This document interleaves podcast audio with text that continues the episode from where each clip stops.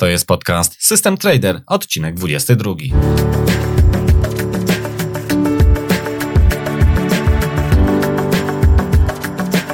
Interesujesz się inwestowaniem na rynkach kapitałowych? Szukasz swojego sposobu na oszczędzanie i pomnażanie pieniędzy? Zastanawiasz się, jak postawić swoje pierwsze kroki na giełdzie? Ponadto fakty, mity, wywiady i ciekawostki ze świata finansów. To i wiele więcej usłyszysz w podcaście System Trader. Zaprasza Jacek Lempart. Kontynuujemy dziś temat problemu tzw. Tak kredytów walutowych. W poprzednim odcinku Ryszard Styczyński, człowiek o ogromnej eksperckiej wiedzy w temacie, nakreślił ogólne ramy zagadnienia. W tym odcinku Ryszard przechodzi do omówienia sprawy w obszarze, który ma wymiar praktyczny dla osób dotkniętych problemem. Usłyszysz o konkretnych możliwościach wyjścia z trudnej sytuacji. W przestrzeni publicznej funkcjonuje wiele nie mających nic z rzeczywistością opinii, często bardzo skrajnych, emocjonalnych czy wręcz krzywdzących. Jako, że mamy do czynienia z ogromnym problemem natury nie tylko społecznej, ale i prawnej, gospodarczej czy politycznej, a sama materia jest wielce skomplikowana, dotyczyć będzie on wszystkich obywateli w coraz większym wymiarze. Jak to obrazowo określił Ryszard, siedzimy na beczce z prochem, przy której tli się bardzo długi ląd. To zaś wydaje się usypiać czujność wielu obywateli. Gorąco zapraszam. Dobry wieczór, Ryszard. Dobry wieczór. Dzięki wielkie za to, że zgodziłeś się znów e, poświęcić dla mnie tutaj, dla słuchaczy, e, sporo swojego prywatnego czasu. E, ostatni raz, gdy nagrywaliśmy pierwszą część e, tego wywiadu, to było, jeśli dobrze pamiętam, w sierpniu zeszłego roku 2018, więc już niemalże pół roku temu. A jak jeszcze opublikujemy ten wywiad, to, to, to myślę, że to na pewno już będzie pół roku pomiędzy tymi, e, tymi nagraniami. Wówczas podzieliłeś się swoją wiedzą, bardzo dużo e, dobrych opinii otrzymałem. E, wiele osobom tu widać ten temat e, dużo wyjaśnia, dużo pomaga, więc też myślę, że dzisiejszy odcinek, który będzie takim uzupełnieniem tego pierwszego wywiadu, będzie mógł jeszcze lepiej spełnić swoją, swoją rolę. Ok, żeby nie przedłużać zbytecznie, myślę, że będę mógł przejść od razu do rzeczy. I tak jak wcześniej mówiliśmy w pierwszej części nieco ogólnie, to tym razem już przejdziemy tak stricte, jeśli się da, do tematu kredytów frankowych, ale już w takim wydaniu, który, które dotyczy bezpośrednio osób, które ten kredyt wzięły. Jeżeli starczy czasu, to chciałbym też zapytać nieco o tym, jak wygląda w tym wszystkim rola państwa, no i jak jeszcze będzie ten czas y, na to, żeby dzisiaj porozmawiać, to też chciałbym porozmawiać troszkę o tym, jak można walczyć y, o swoje prawa w sądzie. Więc pierwsze pytanie: w jakich latach w ogóle były udzielane tak zwane kredyty frankowe, walutowe? Główna fala, główna fala emisji tych, tych umów to były lata 2005-2008, aczkolwiek można te umowy znaleźć było dużo wcześniej. E, gdzieś w okolicach 2000 roku e, była e, analizowana przez Sąd Najwyższy zresztą umowa PBK, a w samych książkach z dziedziny bliżej ekonomii i bankowości niż prawa, ale na temat właśnie kredytów można znaleźć wzmianki o, o, o umowach indeksowanych bodajże chyba w 92 znalazłem coś takiego. Wygląda na to, że to była technika, która była stosowana przez banki, technika służąca moim zdaniem omijaniu prawa y, ograniczeń dewizowych. Mm, I gdzieś na marginesie bankowości y, ta technika była stosowana. Ewidentnie rok 2005 bodajże to była euforia po, po, po włączeniu się Polski do Unii Europejskiej. Moment, gdy do Polski zaczęły napływać kapitały, e, który, jak, jak wiesz, z, już z dziedziny giełdy i finansów, gdy napływają kapitały zagraniczne do Polski, to ci inwestorzy musieli nabywać złotówki. I moim zdaniem z tego powodu lawinowo zaczęła wzrastać, bo to była lawina, tak? Hmm. Zaczęła wzrastać e, wartość złotego, zaczęły spadać ceny walut obcych. Tak. To był moment, w którym ludzie sprowadzali z Ameryki samochody. Coś absurdalnego teraz, gdy na to patrzymy hmm. z, po dekadzie, to to się włos jeży. No ale to był taki, taki, taki, taki, taki czas. Wszystkim wydawało się, że jest dobrze, że będzie jeszcze lepiej. To był też czas opcji walutowych, co jest bardzo ciekawe. Tak czy inaczej, o tym może, może dotkniemy tego mhm. tematu, bo to, że skorelowany lata 2005-2008 to był, była skorelowana akcja banków w obszarze udzielania kredytów, jak i w obszarze y, sprzedaży kolejnych toksycznych instrumentów, absolutnie toksycznych, czyli opcji walutowych, y, nie tym osobom, które powinny to kupić, pokazuje, że, że te, te 2005-2008 to nie był przypadek. Mhm. No i tak jak wiemy, w roku 2008 e, wybuchł kryzys ekonomiczny. I co później? E, czy po tym roku, po tej dacie, e, te kredyty już prawnie zostały e, zakazane, czy mhm. też po prostu banki już bały się, że zbyt dużo ryzyka tutaj w tym wszystkim jest i po prostu przestały, zakręciły kurek z tymi kredytami? Mhm. Banki nie, niewiele ryzykują. To jest najzabawniejsze. Banki, moim zdaniem, tylko mogą zyskać, mhm. jeżeli nie, nie na sytuacji takiej, że spłacamy, a spłacamy. Jak wiesz, ja też jestem mhm. kredytobiorcą w, w banku, mam umowę z 2006 roku. I gdybyśmy przestali spłacać, to banki zajmą nasze mieszkania. Czy stracą? Pewnie nie stracą. Można się zastanowić, po co im te mieszkania w ilości 700 tysięcy, ale myślę, że sobie z tym świetnie poradzą. E, nie przestały. W 2008 roku po krachu nie przestały. Co ciekawe, e, w 2008 roku, gdzieś tam w połowie był ten krach, wtedy można było spotkać głosy doradców kredytowych, którzy mówili, mówili przewalutowujcie te, te, te swoje kredyty na złotówki. Oczywiście tego nikt nie słuchał, też nie było nikogo stać na to, bo, bo prawdopodobnie już nie pamiętam warunków, ale oprocentowanie mogło być wyższe. I banki absolutnie nie przestały, państwo też nie przestało. Banki do tej pory twierdzą, że oczywiście, że jest wszystko w porządku. Co się stało od strony bankowości albo co zrobiło państwo wtedy? Później troszkę będziemy jeszcze o roli państwa mówić, ale mhm. myślę, że już teraz można wspomnieć, bo rok 2008 po, powinien być taką cezurą, gdy wszyscy powinni sobie zdać sprawę, że, no, że nie wolno tego robić. Tak? Z dnia na dzień złotówka tąpnęła o 30%. Pamiętam ten dzień. E, e, I wtedy, wtedy banki kontynuowały sobie w najlepsze e, udzielanie tych, tych, tych umów. Państwo wprowadziło, zaczęło pracę nad tak zwaną ustawą albo pakietem ustaw antyspreadowych, które doprowadziły do sytuacji absurdalnej.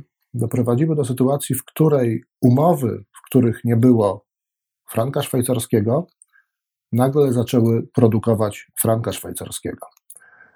E, jak to się stało?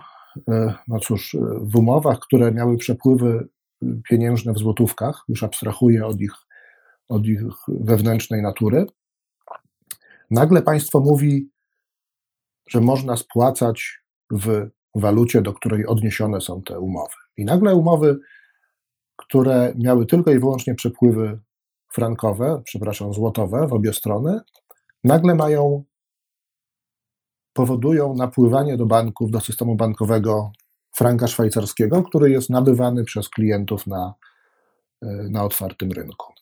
Mhm.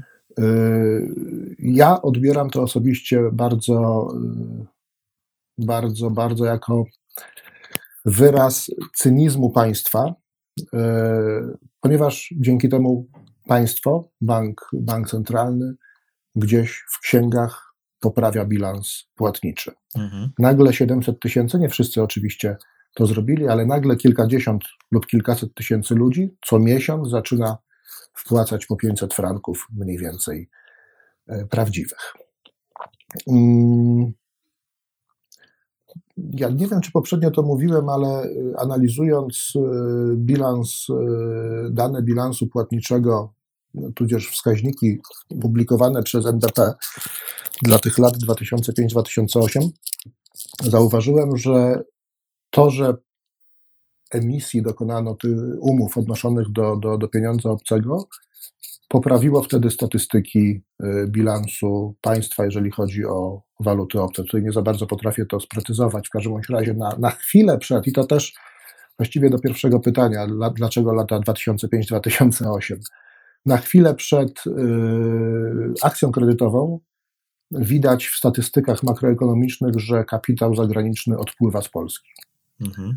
Nie potrafię tego tam wyjaśnić już mm, dokładnie, co się, co się działo. W każdym bądź razie chwilowy dołek, który widać na, na, na, na w tych danych, nagle gospodarstwa domowe e, ratują. E, dosyć ciekawe są te, te, te, te, statystyki NBP, ponieważ one dzielą sy, sytuację ekonomiczną na gospodarstwa domowe, na, na przedsiębiorstwa i na coś tam jeszcze. I strasznie fajnie wygląda właśnie to, że przedsiębiorstwa, z przedsiębiorstw odpływa kapitał, a przypływa w gospodarstwach domowych. Mhm. Jeszcze z tego, co pamiętam, e, za pierwszym razem wspominałeś, e, o ile mm, dobrze kojarzę, że byłeś w kontakcie z NBP i tam otrzymałeś oficjalnie odpowiedź, że chyba de facto połowa tylko kredytów e, miała pokrycie w walucie franka szwajcarskiego. Czyli mówiąc jeszcze inaczej, co najmniej połowa kredytów to była czysta spekulacja ze strony banków. Ja już nie pamiętam korespondencji z NBP. Pamiętam, że NBP, znaczy mamy bardzo, bardzo ciekawą korespondencję z Banku Centralnego Szwajcarii, który powiedział, jest gdzieś do znalezienia w sieci oficjalne, oficjalne stanowisko Banku Szwajcarskiego, który mówi, że ani grosza z ich strony, ani jeden frank szwajcarski nie trafił do finansowania e, rynku, e, do finansowania nieruchomości w Polsce i na Węgrzech. Mhm. Tak? To była naj, najczystsza, najczystsza spekulacja. Czyli de facto mogło się zdarzyć tak, że, e, a właściwie się zdarzyło, że e, pewne banki nawet nie widziały e, franków szwajcarskich i zobaczyły je dopiero później nagle, jak politycy zaczęli, że tak powiem, klajstrować to wszystko. No i wtedy nagle ludzie zaczęli spłacać w tych frankach i wtedy banki de facto zobaczyły być może pierwszy raz dopiero tę walutę na oczy. Tak, sytuacja jest o tyle, o tyle zabawna, że te banki, na przykład Bank PKO BP, który oferował umowy denominowane we franku szwajcarskim, ja tutaj z, tak purystycznie podkreślę, że mówimy, że coś jest deminowane w, a nie deminowane do. Mhm. To jako, jako komentarz jeszcze będziemy może do tego wracać. Ale bank PKO BP, który oferował umowy denominowane we franku szwajcarskim, czyli cywilistycznie wyrażone w tym franku, ten bank tego, tych pieniędzy nie miał. On, on finansował, on, on tak naprawdę bilansował swoje księgi przy pomocy pozabilansowych instrumentów yy, pochodnych.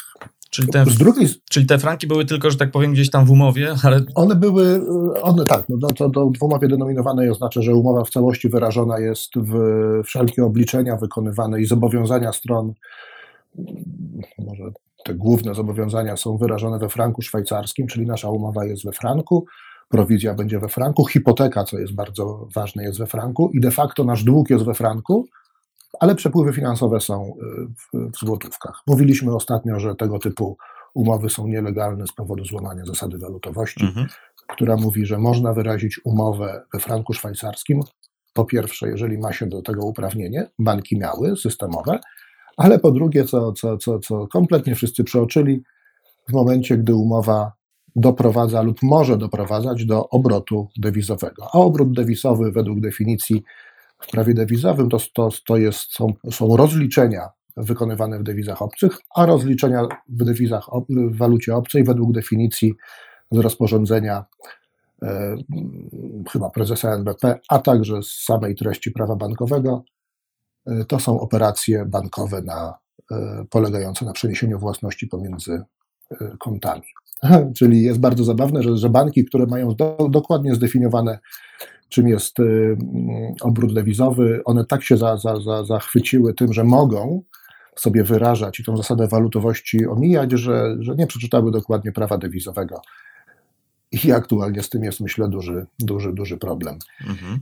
Z, czyli, czyli te banki, tutaj ten jeden bank tak naprawdę używał pozabilansowych metod do, do łatania ksiąg, ja bym to tak nazwał.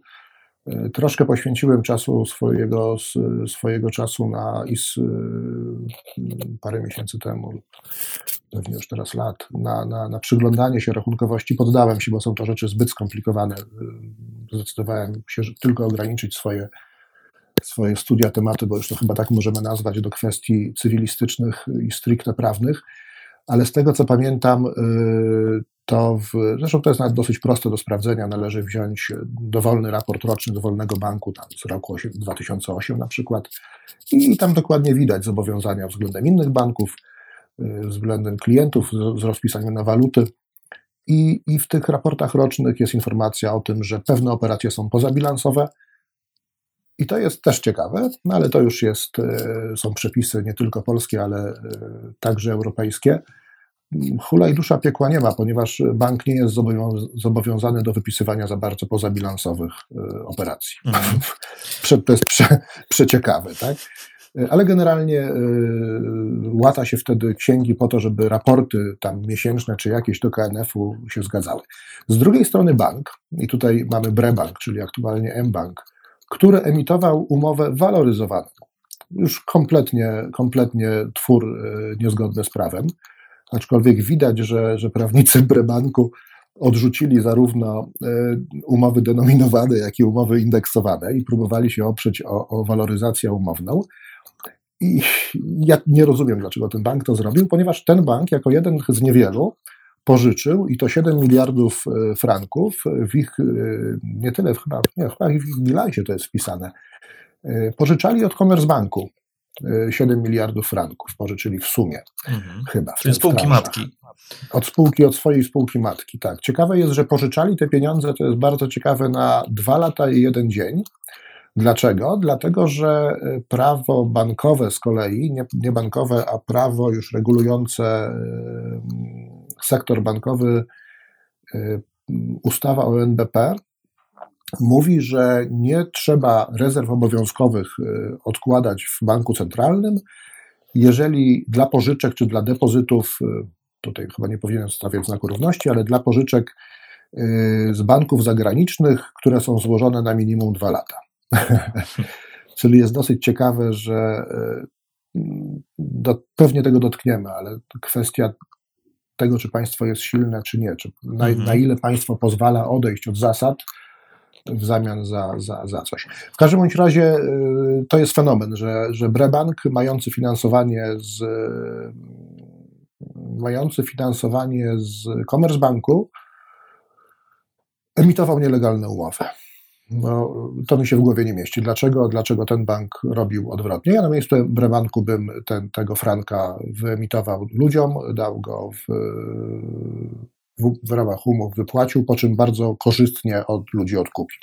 Mhm. Tak? Wtedy Brebank byłby całkowicie, by wykonał zobowiązania względem systemu prawa w sposób taki, że teraz byśmy nie mogli nic zrobić e, z naszymi umowami. No w sumie na szczęście jest inaczej.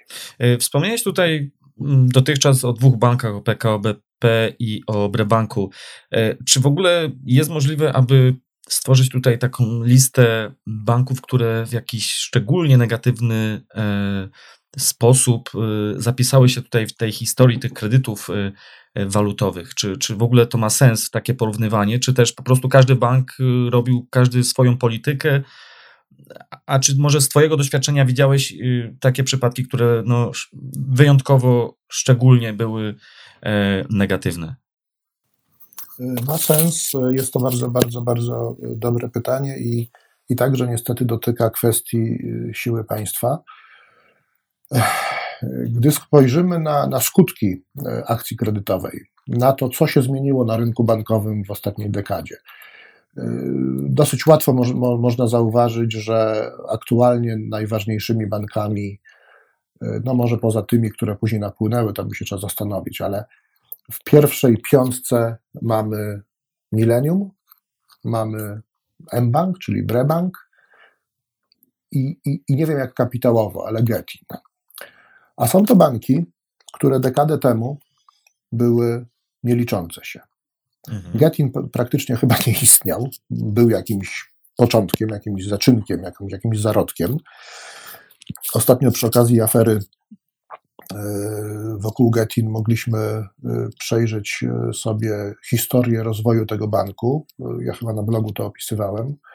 W każdym razie dekadę temu ten bank nie istniał. On, 15 lat temu, on był malutki. On, on urósł w całości na E, na akcji kredytowej. Ja tak wejdę w słowo. Ciekawa jest nie tylko historia banku, ale też jest ciekawa historia osoby stojącym, stojącej za tym bankiem, bo też czytałem to. Ja nie chcę tutaj wchodzić w te szczegóły teraz, ale wydaje mi się, że tu przypadków też nie ma. Nie, nie ma. E, przypadków nie ma. Za M-Bankiem, e, za M-Bankiem, za Getinem i także za Millennium stoją dosyć dziwne osoby. Aktualny banku e, prezes e, to jest pan Stypułkowski, Beniaminek e, okresu PRL, też tajny współpracownik, aczkolwiek to, że był tajnym współpracownikiem, to nie wiadomo, czy to tam, jak myślę, że ktoś coś chciał zrobić, to, to pewnie przez chwilę było albo dłużej. W każdym razie persona dosyć, dosyć taka, taki, tak, taka, taka nieciekawa, ponieważ w, gdzieś tam był blisko w ramach e, transformacji systemu bankowego. Mieliśmy go także w PZU jako prezesa. E, po wypadku, e, gdy, gdy zabił trzy osoby jadąc swoim Volvo do, na Mazury, został schowany przez JP Morgana za granicą na kilka lat. Podobno to było, podobno to było podziękowanie albo usługa JP Morgana za prywatyzację czegoś tam wcześniej. Generalnie schowano pana Stepułkowskiego. Później go jak z kapelusza wysunięto. Ten człowiek też się, był przy porządkowaniu afery FOS w banku handlowym. Człowiek, który gdzieś tam przez te dekady zawsze, zawsze był. Podobno nawet nie jest dobrym bankierem, chyba jest figurantem. Podobno robią za jego tam współpracownicy, za niego te, te, te większość rzeczy. Yy, ważne, żeby pamiętać, y, będziemy jeszcze do tego wracać i, i podkreślać, że system bankowy, ten, który znamy, on nie powstał w odrodzonej Polsce, w Polsce po 1989 roku. On powstał w Polsce na kilka miesięcy przed okrągłym stołem. To jest nieprawdopodobne.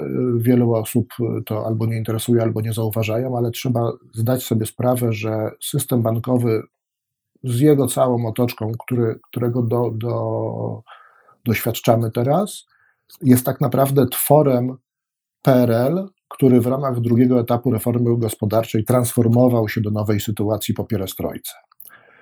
I dlatego w Brebanku jest, są takie osoby, jak są, yy, i prawdopodobnie chciałeś powiedzieć bardziej o, o panu Leszku Czarneckim.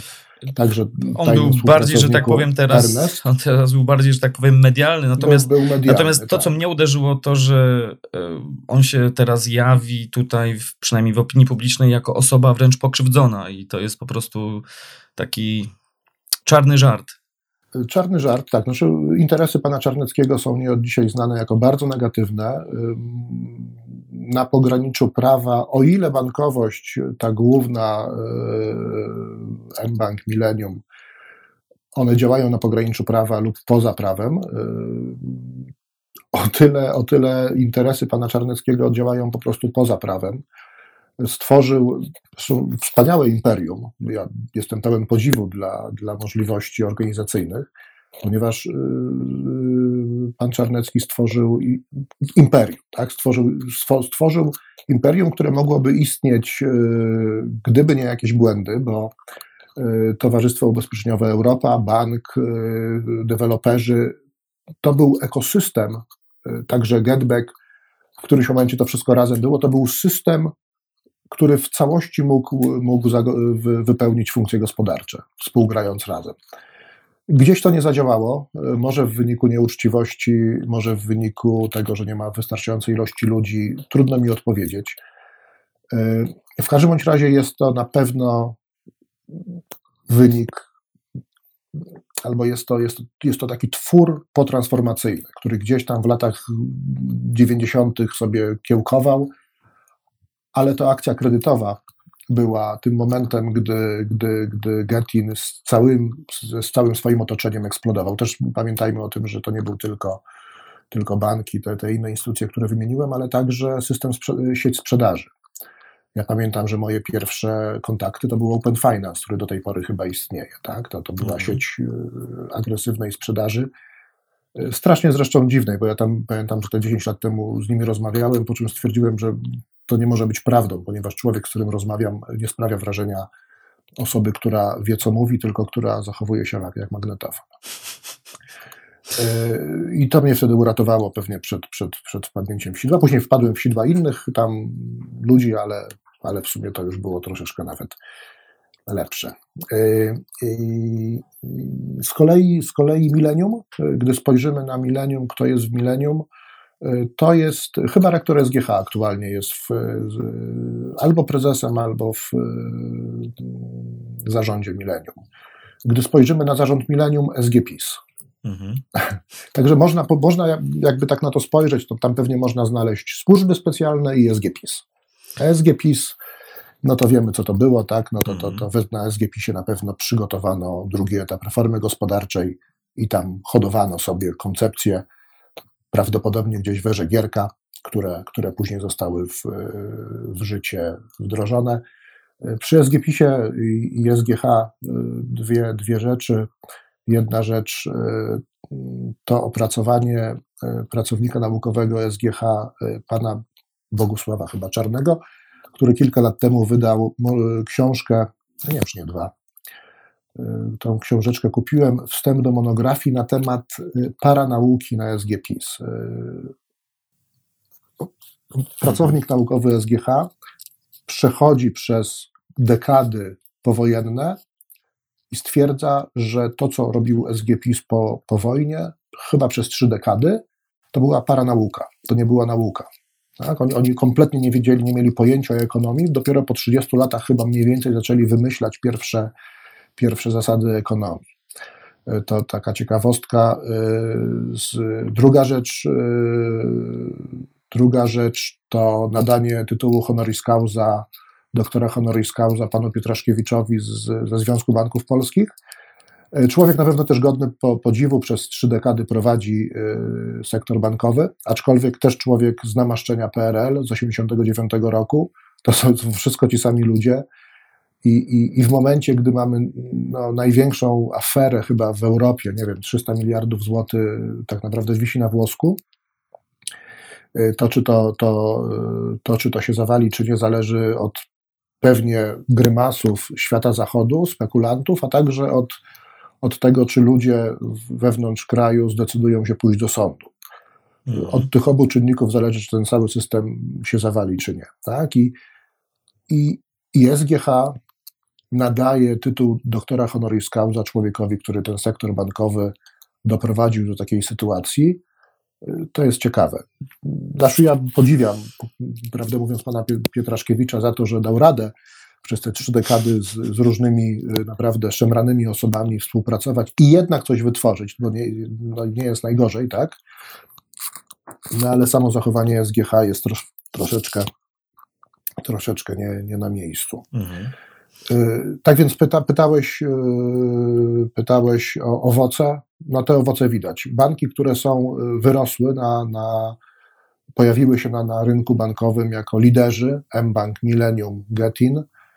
No Getin jest już takim gigantem na glinianych nogach, ale e, to, że te banki się pojawiły, to ktoś inny musiał zniknąć z rynku. E, I inne banki znikły.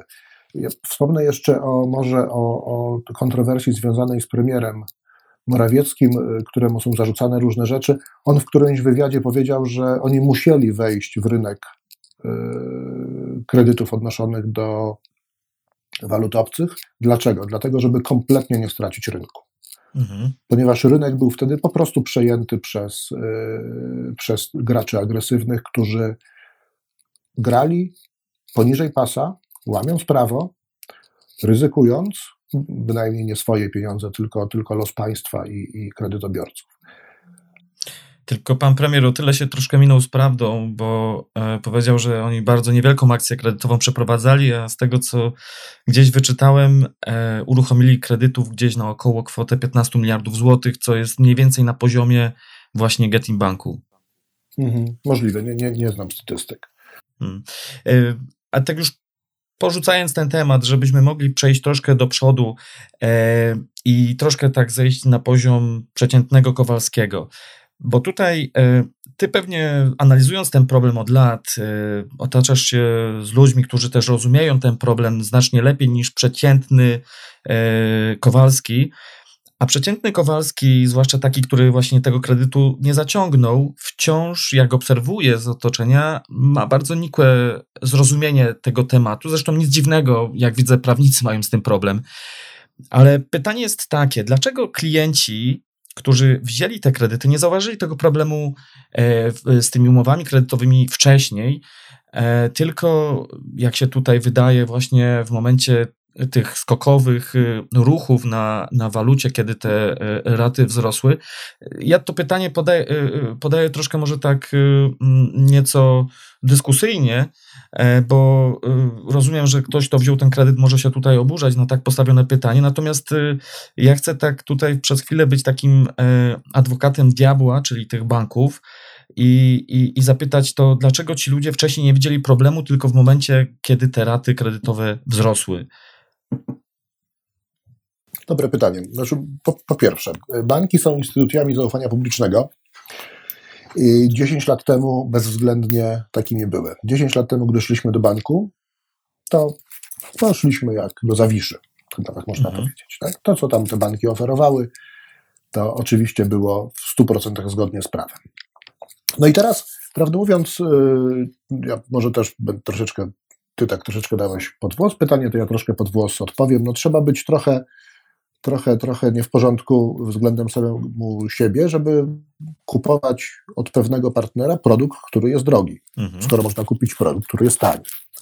Tak, więc ja uważam, że ci wszyscy ludzie, którzy to zrobili, zrobili bardzo mądrze. Wybrali produkt wysokiej jakości, oferowany przez certyfikowanego e, partnera, który jest elementem systemu finansowego Rzeczypospolitej, podpisali umowy, które ten, mhm. ten, ten, ten partner oferował. E, prawdopodobnie 10 lat temu bym to zrobił drugi raz. Mówiąc krótko, ty szukałeś po prostu produktu i znalazłeś produkt, który oferował, e, e, był po prostu najlepszą ofertą dla ciebie. Był, wyglądał na najlepszy produkt na rynku. Było dobrze i tanio. Właśnie, no każdy chce dobrze to, i tanio. Dobrze i tanio. To, to co, co na pewno przeoczyliśmy, albo nikt sobie nie zdał, y, nie zdawał z tego sprawy i do tej pory, prawdę mówiąc, prawnicy sobie z tego nie zdają sprawy, y, albo inni jacyś analitycy, którzy twierdzą, że przecież nie jest źle z tymi umowami, bo się spłacają, bo, bo, bo są tańsze i o zgrozo są tańsze, tak? Jak spojrzeć na, na raty, to pewnie są tańsze. To jest bardzo złożone, ale nikt nie zadał pytania, co zrobić z ludźmi, którzy te kontrakty zrywają z różnych powodów. Albo chcą sprzedać mieszkanie, chcą wyjechać za granicę, a może zbankrutowali, mhm. może nie mają. I nikt nie zadał pytania, co zrobić w momencie, gdy te umowy są rozwiązywane. E, a gdy te umowy są rozwiązywane przed czasem, nie wiemy jeszcze, co się stanie, gdy będą rozwiązywane za 20 lat, bo nie mamy pojęcia.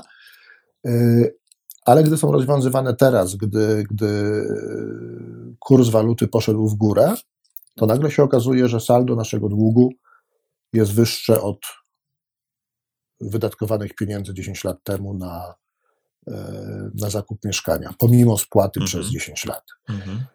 Tak? I, I, ja myślę, że to, e, to jest teraz dla ludzi szokujące. E, a dlaczego ludzie przez 10 lat, dlaczego my przez 10 lat nie zajmowaliśmy się tym? No, myślę, że odpowiedź jest równie prosta, gdy gdy, jak, jak część pierwsza, no ja wsiadając do, do, do samochodu, do autobusu, może odniesiemy to do Ubera, o to jest ciekawe, wsiadając do taksówki, nie zastanawiamy się, ufamy, tak? Możemy być le lekko podpici, usnąć sobie i wiemy, że nas facet dowiedzie. Mhm. Ale gdy wsiadamy do Ubera, no to sugerowałbym być już trzeźwym i mieć 112 pod guzikiem. Tak, ostatnio kolega w Warszawie jadąc e, jeździł Uberem, ponieważ do Pruszkowa jeździł z Warszawy i tam jest chyba czwarta strefa, to go nie, już te taksówki go męczyły. Uberem jeździł do czasu, gdy jego kierowca nie uderzył w barierkę, tak po prostu, bo się zagapił. I w, barierę szosy walnął, mhm. rozbił samochód, cud, że się nic nie stało. No, podobnie z umowami kredytu. No, mamy te kontrakty, płacimy, wszystko jest dobrze. Wiemy, że bank jest dobrym partnerem. Tam coś słychać, że, że coś kombinuje, ale Tak, bo już pierwsze kombinowanie było przy umowach antyspreadowych, gdy nam te aneksy dawano, to na przykład ja w Zembanku dostawałem takie, takie propozycje, że one by po prostu obrażały, a też wiemy, że, że wiele banków użyło tego momentu do próby do próby takiej chyba nowacji, czy do próby usankcjonowania tych, tych, tych nielegalnych umów. Generalnie nawet w tym momencie już ustawy antyspreadowej te banki zaczęły się zachowywać nie, nie, nieelegancko, ale mimo to zakładamy, że, że przecież to jest poważna instytucja państwowa prawie. Tak, bo to przypomnę, że nie są to puste słowa. Przypomnę, że bank jest instytucją zaufania publicznego, Y, dlaczego o tym mówię? Dlatego, że banki o tym piszą w, w kodeksie etyki bankowej, który jest oficjalnym dokumentem wydanym i zatwierdzonym przez Związek Banków Polskich. I teraz każdy bank, który jest w Związku Banków Polskich, jest zobowiązany treścią y, kodeksu etyki bankowej. Dlaczego?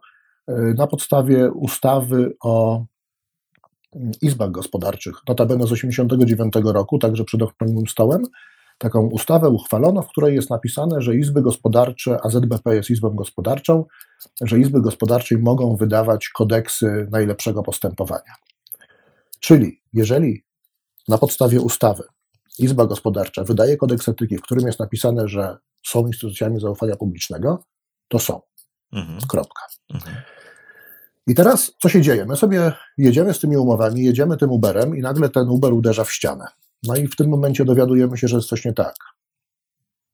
Do tej pory wszystko było dobrze, tak? A nagle z dnia na dzień, nagle z dnia na dzień nasza rata, dowiadujemy się, że nasza rata skacze. Później na szczęście e, w wyniku tego, że bank szwajcarski, to jest też bardziej złożone, to bardziej z twojej dziedziny, Bank szwajcarski walczy też ze spekulacją, walczy z, z, z, tymi, którzy próbują spekulować albo robią to na walutą szwajcarską. Obniża e, stopy referencyjne do jakichś absurdalnych, ujemnych, nigdy niespotykanych w gospodarce sytuacji, po to, żeby ludzi zniechęcić do, do, do chyba trzymania, tak? Tak, tak. No, nie opłaca się po prostu lokować kapitału nie opłaca się lokować, tak? w banku w Szwajcarii, tak. No, bo, bo, trzeba za to płacić, tak? Dokładnie. W drugą stronę są przepływy.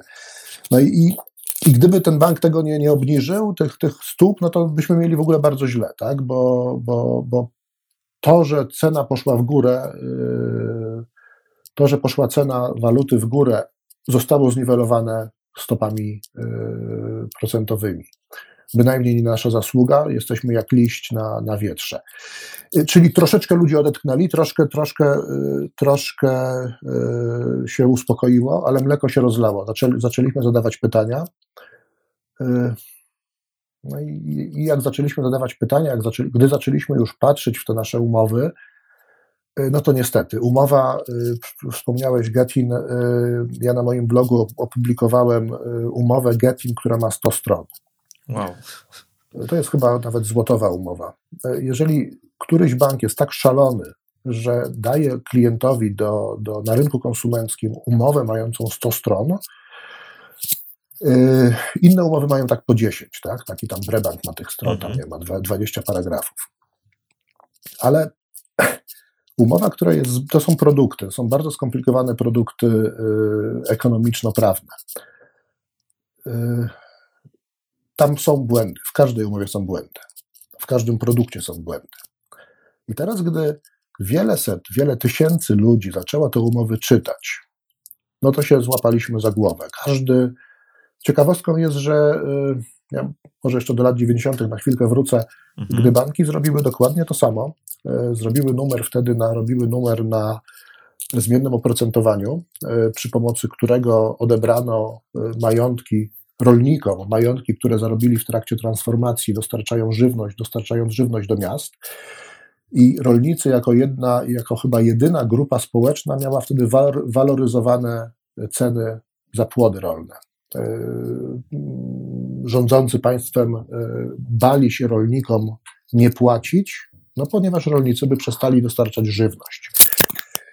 I, i, I tutaj zresztą można znaleźć w książce pana Balcerowicza, e, czyli, czyli majstra ze SGPiS-u, informacje w jego książce w internecie można znaleźć Socjalizm, Kapitalizm, Transformacja i tam na której ze stron można znaleźć informacje właśnie o tym, że rolnicy dostali za dużo pieniędzy i że po transformacji trzeba będzie się tym zająć. I wykorzystano państwo, wykorzystano sektor bankowy do tego, żeby przy pomocy zmiennego oprocentowania rolników puścić z torbami. Na tym zresztą wyruch, wyrósł ruch Lepera, ja chyba o tym poprzednio tak, mówiłem. Tak, było wspominane. Jest to, jest to przeciekawe. Mhm. I, I teraz w dekadzie, wydaje się, że dekada lat 90. powinna banki nauczyć, że, że nie wolno tego robić. No banki zrobiły dokładnie, dokładnie to samo. Tylko, że z inną grupą społeczną. Wtedy zrobiono to z rolnikami, którzy z powodów y, takiego, a nie innego usytuowania w społeczeństwie byli w stanie użyć y, takiej siły brutalnej, zwykłej siły, tak? tak? Zresztą doszli do tego y, dzięki temu bardzo wysoko, a i upadli bardzo, bardzo mocno. Y, tym razem dekada, dekada pierwsza, dekada XXI wieku spowodowała, że banki uderzyły w klasę średnią. Ludzi wykształconych, ludzi, ludzi potrafiących zrozumieć te nieszczęsne kontrakty. No i to spowodowało, moim zdaniem, jest to jeden z wielkich błędów, z większych błędów sektora bankowego, który dopuścił do tego, żeby y, ogół wkładał nos w ich, w ich, w ich sprawy. Y, Rozumiem. A jak to mleko się rozlało i e, ludzie zaczęli przeglądać te umowy po tych kilku latach e, i generalnie zaczęli odkrywać, że tam są nieprawidłowości i że e, być może po prostu tutaj jest wyjście jednak z tej sytuacji, bo to, co podpisali, nie ma jednak mocy prawnej. To e, czy po tym wszystkim można oszacować, jaki procent w ogóle umów e, to dotyczy? Czy to jest tak, że to dotyczy tylko jakichś konkretnych banków, czy można też powiedzieć, upraszczając, że to de facto dotyczy wszystkich umów kredytowych, które były podpisane? Na pewno wszystkie umowy mogę powiedzieć, że sto, chyba powiem to z odpowiedzialnością, 100% umów odnoszonych do walut obcych, mhm. czyli denominowanych z przepływami w złotówkach i, i indeksowane oraz waloryzowane są nielegalne. Y, możemy mówić o pewnym procencie umów denominowanych, że będą legalne na pograniczu prawa, gdy w umowie jest jakikolwiek zapis, który mówi, że można wypłacić lub spłacać w walucie obcej. Przy czym y, niektóre umowy y, coś takiego mają, przy czym te umowy mają bardzo często zapisane w kontrakcie, że wypłata będzie wykonana na konto takie a takie, za nieruchomość taką a taką z, z aktu notarialnego, gdzie wiadomo, że to konto jest złotowe. Czyli tak mówiąc y, po ludzku można y, powiedzieć, że e, cała akcja kredytowa, która opiewa gdzieś na kwotę 300-400 miliardów złotych, różne są tutaj e, szacunki, to w sensie prawnym ta cała akcja kredytowa jest y, właściwie, podlega odwróceniu. Tak, tak. Od, od strony mhm. prawnej jest to, jest to, jest to, jest to tak wielka katastrofa, że, że, że, że prawnicy wolą tego nie komentować. Doktryna prawa raczej tego nie komentuje. Nie słyszałem wypowiedzi Czyli pochlebnych. siedzimy na takiej beczce prochu, można powiedzieć. To jest beczka prochu, to jest beczka prochu, która yy, z długim lądem. Ona eksploduje. E, ona teraz troszeczkę się tli. E, my jesteśmy, jacy jesteśmy, większość, niedużo ludzi teraz aktualnie znajduje się w sporach sądowych. Nie chcemy tego robić, ja tego nie robię. E, ale w którymś momencie przedsiębiorstwa, no może jakieś przedsiębiorstwo zachodnie, jakaś kancelaria prawnicza zauważy, że można na tym zbić interes i zacznie skupywać nasze wierzytelności. Mhm. Umowy można podważyć y, także po ich wykonaniu. Proszę sobie wyobrazić, że po spłaceniu tych umów mhm. sprzedamy prawa do, do roszczeń komuś tam. Tak. I ten ktoś, no ja, mi się wydaje, że nawet y, nie ma przedawnień w tej sytuacji. Nie ma żadnego przepisu prawnego, który mówi, że umowa po wykonaniu od, od zawarcia, że po jakimś czasie, nie wiem, 20 latach, 10, 5, a może 100, że można ją podważyć. To dlaczego czasami tam się pojawia jakiś okres 10 lat, że tutaj jest jakieś przedawnienie po tym okresie i to jeszcze nawet dla umów, które de facto wciąż y, są wykonywane? Mhm. To jest przedawnienie związane z przedawnieniem z przedawnieniem roszczenia o bezpodstawnie wykonane świadczenie. O tak to spróbuję zrobić, powiedzieć. W wyniku umowy to będzie troszeczkę tak prawniczo. Mhm. Mam nadzieję, że czegoś nie pomylę, bo są to tak. A ja, że zrozumiem. tak. W wyniku umowy, po zawarciu umowy powstają zobowiązania. Żeby się zwolnić ze zobowiązania, e, dłużnik świadczy. No i naszym świadczeniem jest zapłata raty. Tak. E, co ciekawe, w umowie kredytu naszym świadczeniem jest seria, tak, naszym zobowiązaniem jest seria wpłat.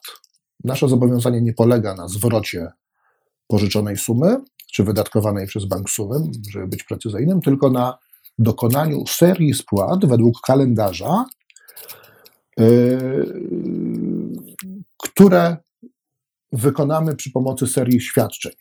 I teraz przedawniają się roszczenia o zwrot nienależnie wykonanych świadczeń. Mhm. I to jest co 10 lat. Rozumiem. Czyli, czyli jeżeli, jeżeli idziemy do sądu z, posługując się przepisem o, z, przepisami wynikającymi z dyrektywy Rady 9313 EWG bodajże, czyli te, te najbardziej sławne e, przepisy ochrony konsumenta, na których większość prawników bazuje, to tam mówimy, że część y, z powodu niewiązania części, y, części zapisów w umowie, że my pewne części świadczeń y, pieniężnych, które wpłacaliśmy przez ostatnie lata, że one są, one były pobrane bez podstawy prawnej. I Rozumiem. żądamy ich zwrotu. I przy tej, przy, tej, przy tej taktyce właśnie występuje przedawnienie. Rozumiem, ale jeżeli Kowalski idzie do sądu i de facto on chce i, i dowodzi tego, że ta umowa jest po prostu w całości nieważna, to tutaj nie ma żadnego przedawnienia wówczas. Nie ma przedawnienia. Po prostu jest. Wtedy y, obie, y, występuje sytuacja taka, jakby tej umowy nie było. Transakcja jest od, po prostu anulowana, znaczy jest odwrócona. Transakcja, mhm. umowa jest anulowana, podarta, nigdy jej nie było. Y, obie strony powinny zwrócić sobie powinny zwrócić świadczenia, które wykonały, żadne, żadne przedawnienie nie wchodzi. A w jakiej to kolejności, jak to wygląda w praktyce, jeżeli takie przypadki w ogóle już miały, czy mają miejsce? Chyba miały, chyba miały. I tutaj jak to wygląda? Sądy, e, sądy czasem e, nie, trochę chyba niezgodnie z prawem stosują tak zwaną teorię salda i coś tam sobie odejmują ale tak naprawdę powinno to wyglądać w ten sposób, że obie strony oddają to, co wzięły, czyli od banku odbieramy, bank musi nam zapłacić wszystko, co prze, przez tę dekadę plus mhm. wpłaciliśmy, my musimy oddać bankowi to, co bank w naszym imieniu wydatkował. Y, prawdę mówiąc, y, aktualnie po 10 latach też przy, chyba przy tych kursach wchodzimy już w, w moment, gdy, gdy to się ekonomicznie kalkuluje. Jak rozumiem, bank jeszcze musi pewnie odsetki, e, z odsetkami oddać to, co się... Odsetki, tak, znaczy odsetki, ja nie wiem od którego momentu są liczone, mhm. ale chyba od momentu tam skutecznego złożenia roszczenia o ten zwrot, zwrot czyli tam pewnie od, od, od sądowej sprawy, tak mi się wydaje. Ciekawe. No to jest pytanie już o, o, o, to, w którym momencie, bo my składając roszczenie w banku, tudzież żądanie zwrotu tych nienależnych wpłat, Właściwie od tego momentu powinny być odsetki, e, przy czym tutaj już są aspekty z zakresu prawa cywilnego, a może i kodeksu postępowania, w którym momencie ta, ta, ta, ta skuteczność e, jest wiążąca. Na pewno od rozpoczęcia rozprawy sądowej, to na pewno, a może i wcześniej.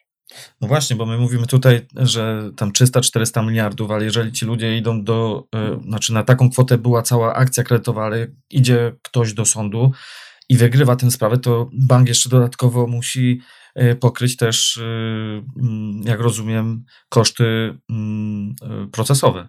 No też koszty procesowe. Też dla samego banku jest, jest bardzo źle wchodzić w spory, ponieważ bank musi zabezpieczyć na konto, to już wynika tam chyba z przepisów o rachunkowości, bank musi zabezpieczyć gotówkę na, na możliwość przegrania sporu. Rozumiem. To, to, i, no i oczywiście musi pokryć koszty prawnika i tak dalej, tak? Z mhm. drugiej strony. Mhm. Także jak ten ląd się wypali, to może być y, no, nieciekawie. No, gdy ląd się wypali, y, my będzie już teraz obserwujemy y, stworzenie, tudzież powstanie nowego sektora usług prawniczych, czyli powstały jak grzyby po deszczu kancelarie, oferujące usługi w, to, w zakresie toczenia sporów z bankami, w, w zakresie umów kredytowych. To już się dzieje. Na tym z tego można wyżyć. Czy to jest uczciwe, czy nie, to jest inna sprawa. Y, ale kolejne moim zdaniem rzesze prawników będą to robiły. Prawdopodobnie powstanie coś na, na kształt tego, co obserwowaliśmy dekadę temu na rynku ubezpieczeń. Nie wiem, czy, czy, czy pamiętasz, ale powstało kilka i to chyba nawet znaczących spółek giełdowych, spółek akcyjnych, które właśnie urosły na toczeniu sporów y, z firmami, mm. z, firmami ubezpieczeniowymi. Mm. Co ciekawe, rynek y, firm ubezpieczeniowych zyskał na tym, y, ponieważ pozyskał swoistego testera ich, ich jakości ich usług.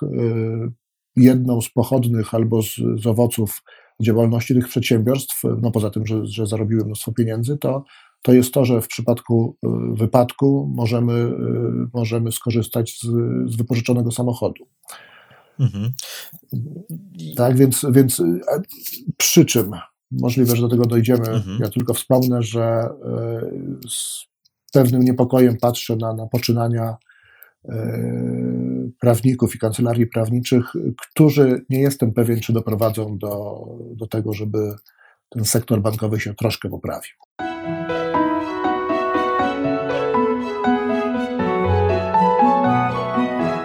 Jeżeli nam dzisiaj wystarczy czasu, to ja chciałem jeszcze porozmawiać właśnie o tym, jak walczyć z tymi sąd e, w sądach e, z bankami i też chciałem poruszyć jeszcze kwestię samych prawników, bo tutaj też szereg różnych pytań i niejasności sobie wynotowałem, ale za chwilę chciałem przejść do roli państwa, ale zanim jeszcze to zrobię, to być może to pytanie jest takie, no powiedzmy, zbyt ogólnikowe, ale jeśli byś był w stanie w takich prostych, zrozumiałych dla przeciętnego słuchacza, odbiorcy wytłumaczyć, jakie są główne czy podstawowe, taki podstawowy katalog przewin banków, na podstawie których właśnie ludzie w sądach e, e, mają szansę i możliwość anulowania swoich umów kredytowych. Ja wiem, że to jest bardzo szerokie pytanie i de facto Nie, moglibyśmy rozmawiać szerokie, ja, do rana. Tak, tak, znaczy, tak no, to, ta, ta, lista jest bardzo długa, to jest ciekawe. Mhm. Najbardziej, eksploatowane, najbardziej eksploatowane ku mojemu smutkowi e, obszar to są tak zwane klauzule niedozwolone. Mhm. Jest to obszar, który, który został, e, był wykorzystywany na początku przez, przez prawników, a kolejni prawnicy zaczęli podglądać, powtarzać i, i, i, i, i taką, no, taki, taki stempelek stosować. E, to jest to, z czym się spotkamy głównie. E, ta technika e, jest dobrze działającą dla umów złotowych, czyli indeksowanych i waloryzowanych. Mhm. Moim zdaniem jest niedziałającą dla, dla umów denominowanych, aczkolwiek prawnicy bardzo często o tym nie mówią. I teraz dalej, gdy pójdziemy w głąb, spróbujemy może z 10 wymienić tych rzeczy. w umowach indeksowanych następuje zmiana waluty długu. Mhm. I, I nikt nie wie dlaczego. E, to jest nieprawdopodobne. Nikt nie wie dlaczego.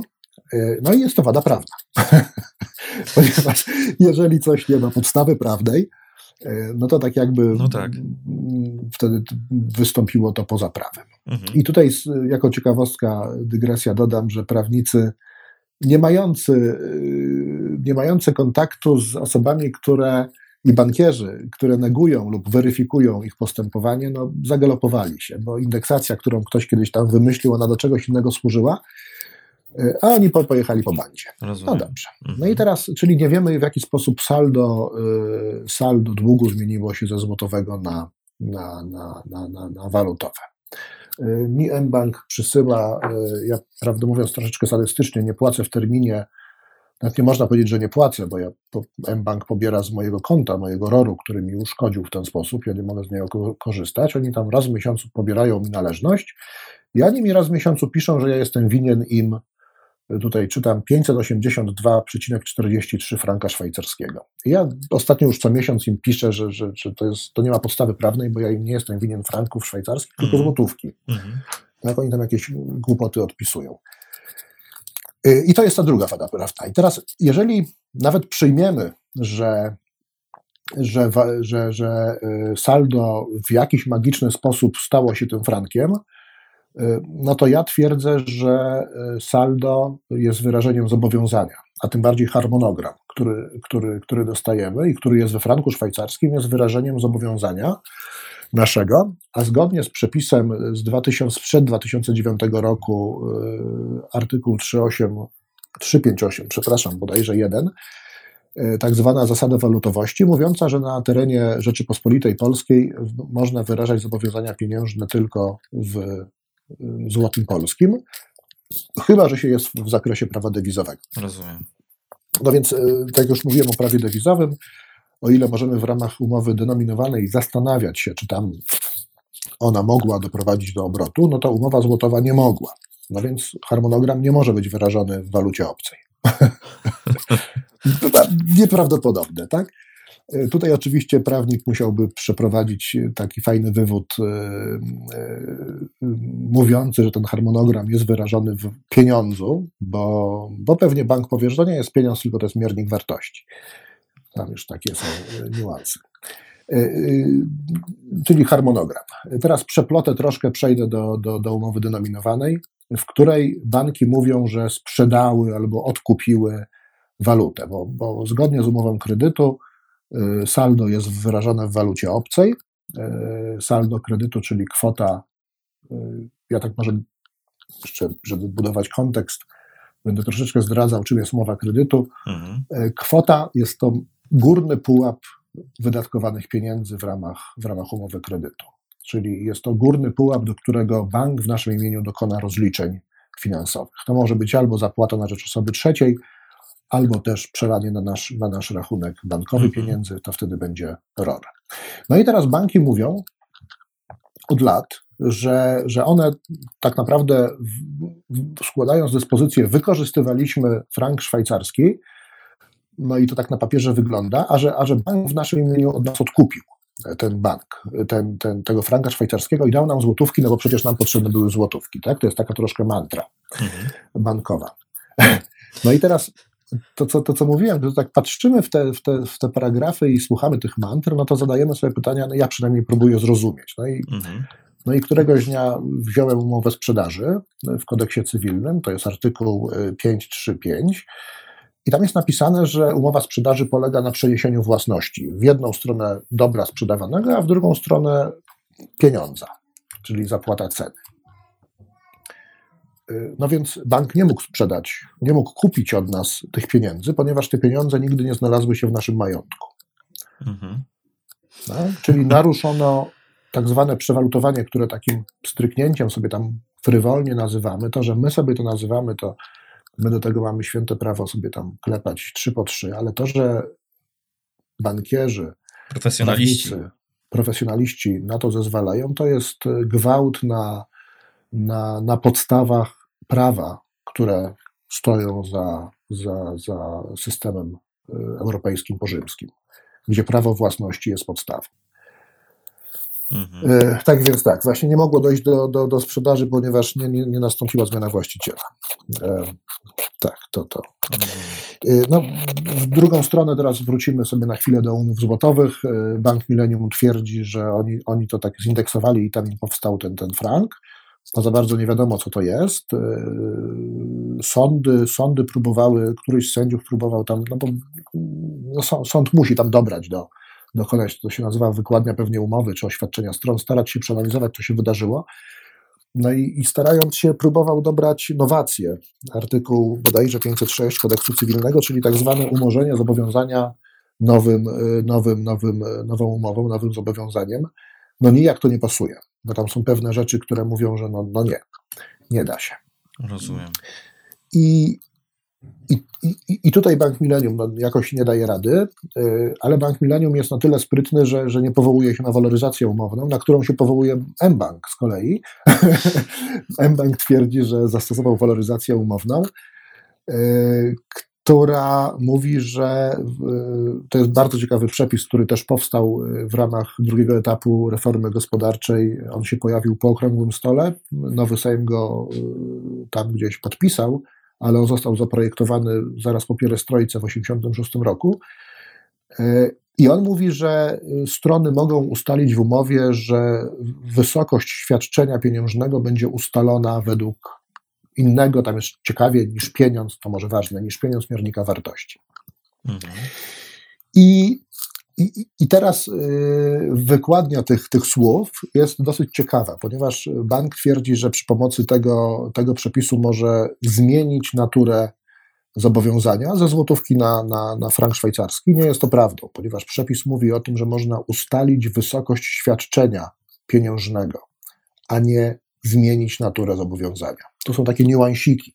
Mhm. To są niuanse na tyle silne, że albo na tyle, na tyle niezrozumiałe dla. Myślę, że nie rozumiesz tego, co mówię, przyznaj się. No, przyznaję, że jest to niezły chaos i, i, nie będę tutaj udawał, że, że rozumiem, ale, ale to też dobrze, właśnie, że tak powiem, obrazuje, e, czym jest ten problem.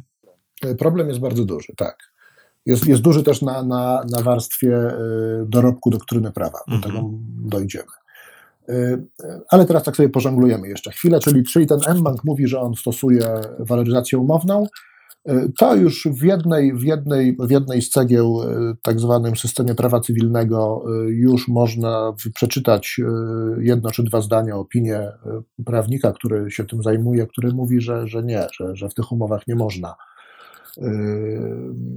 dopatrywać się waloryzacji umownej. No ale mimo to ten mBank cały czas mówi, że to jest waloryzacja.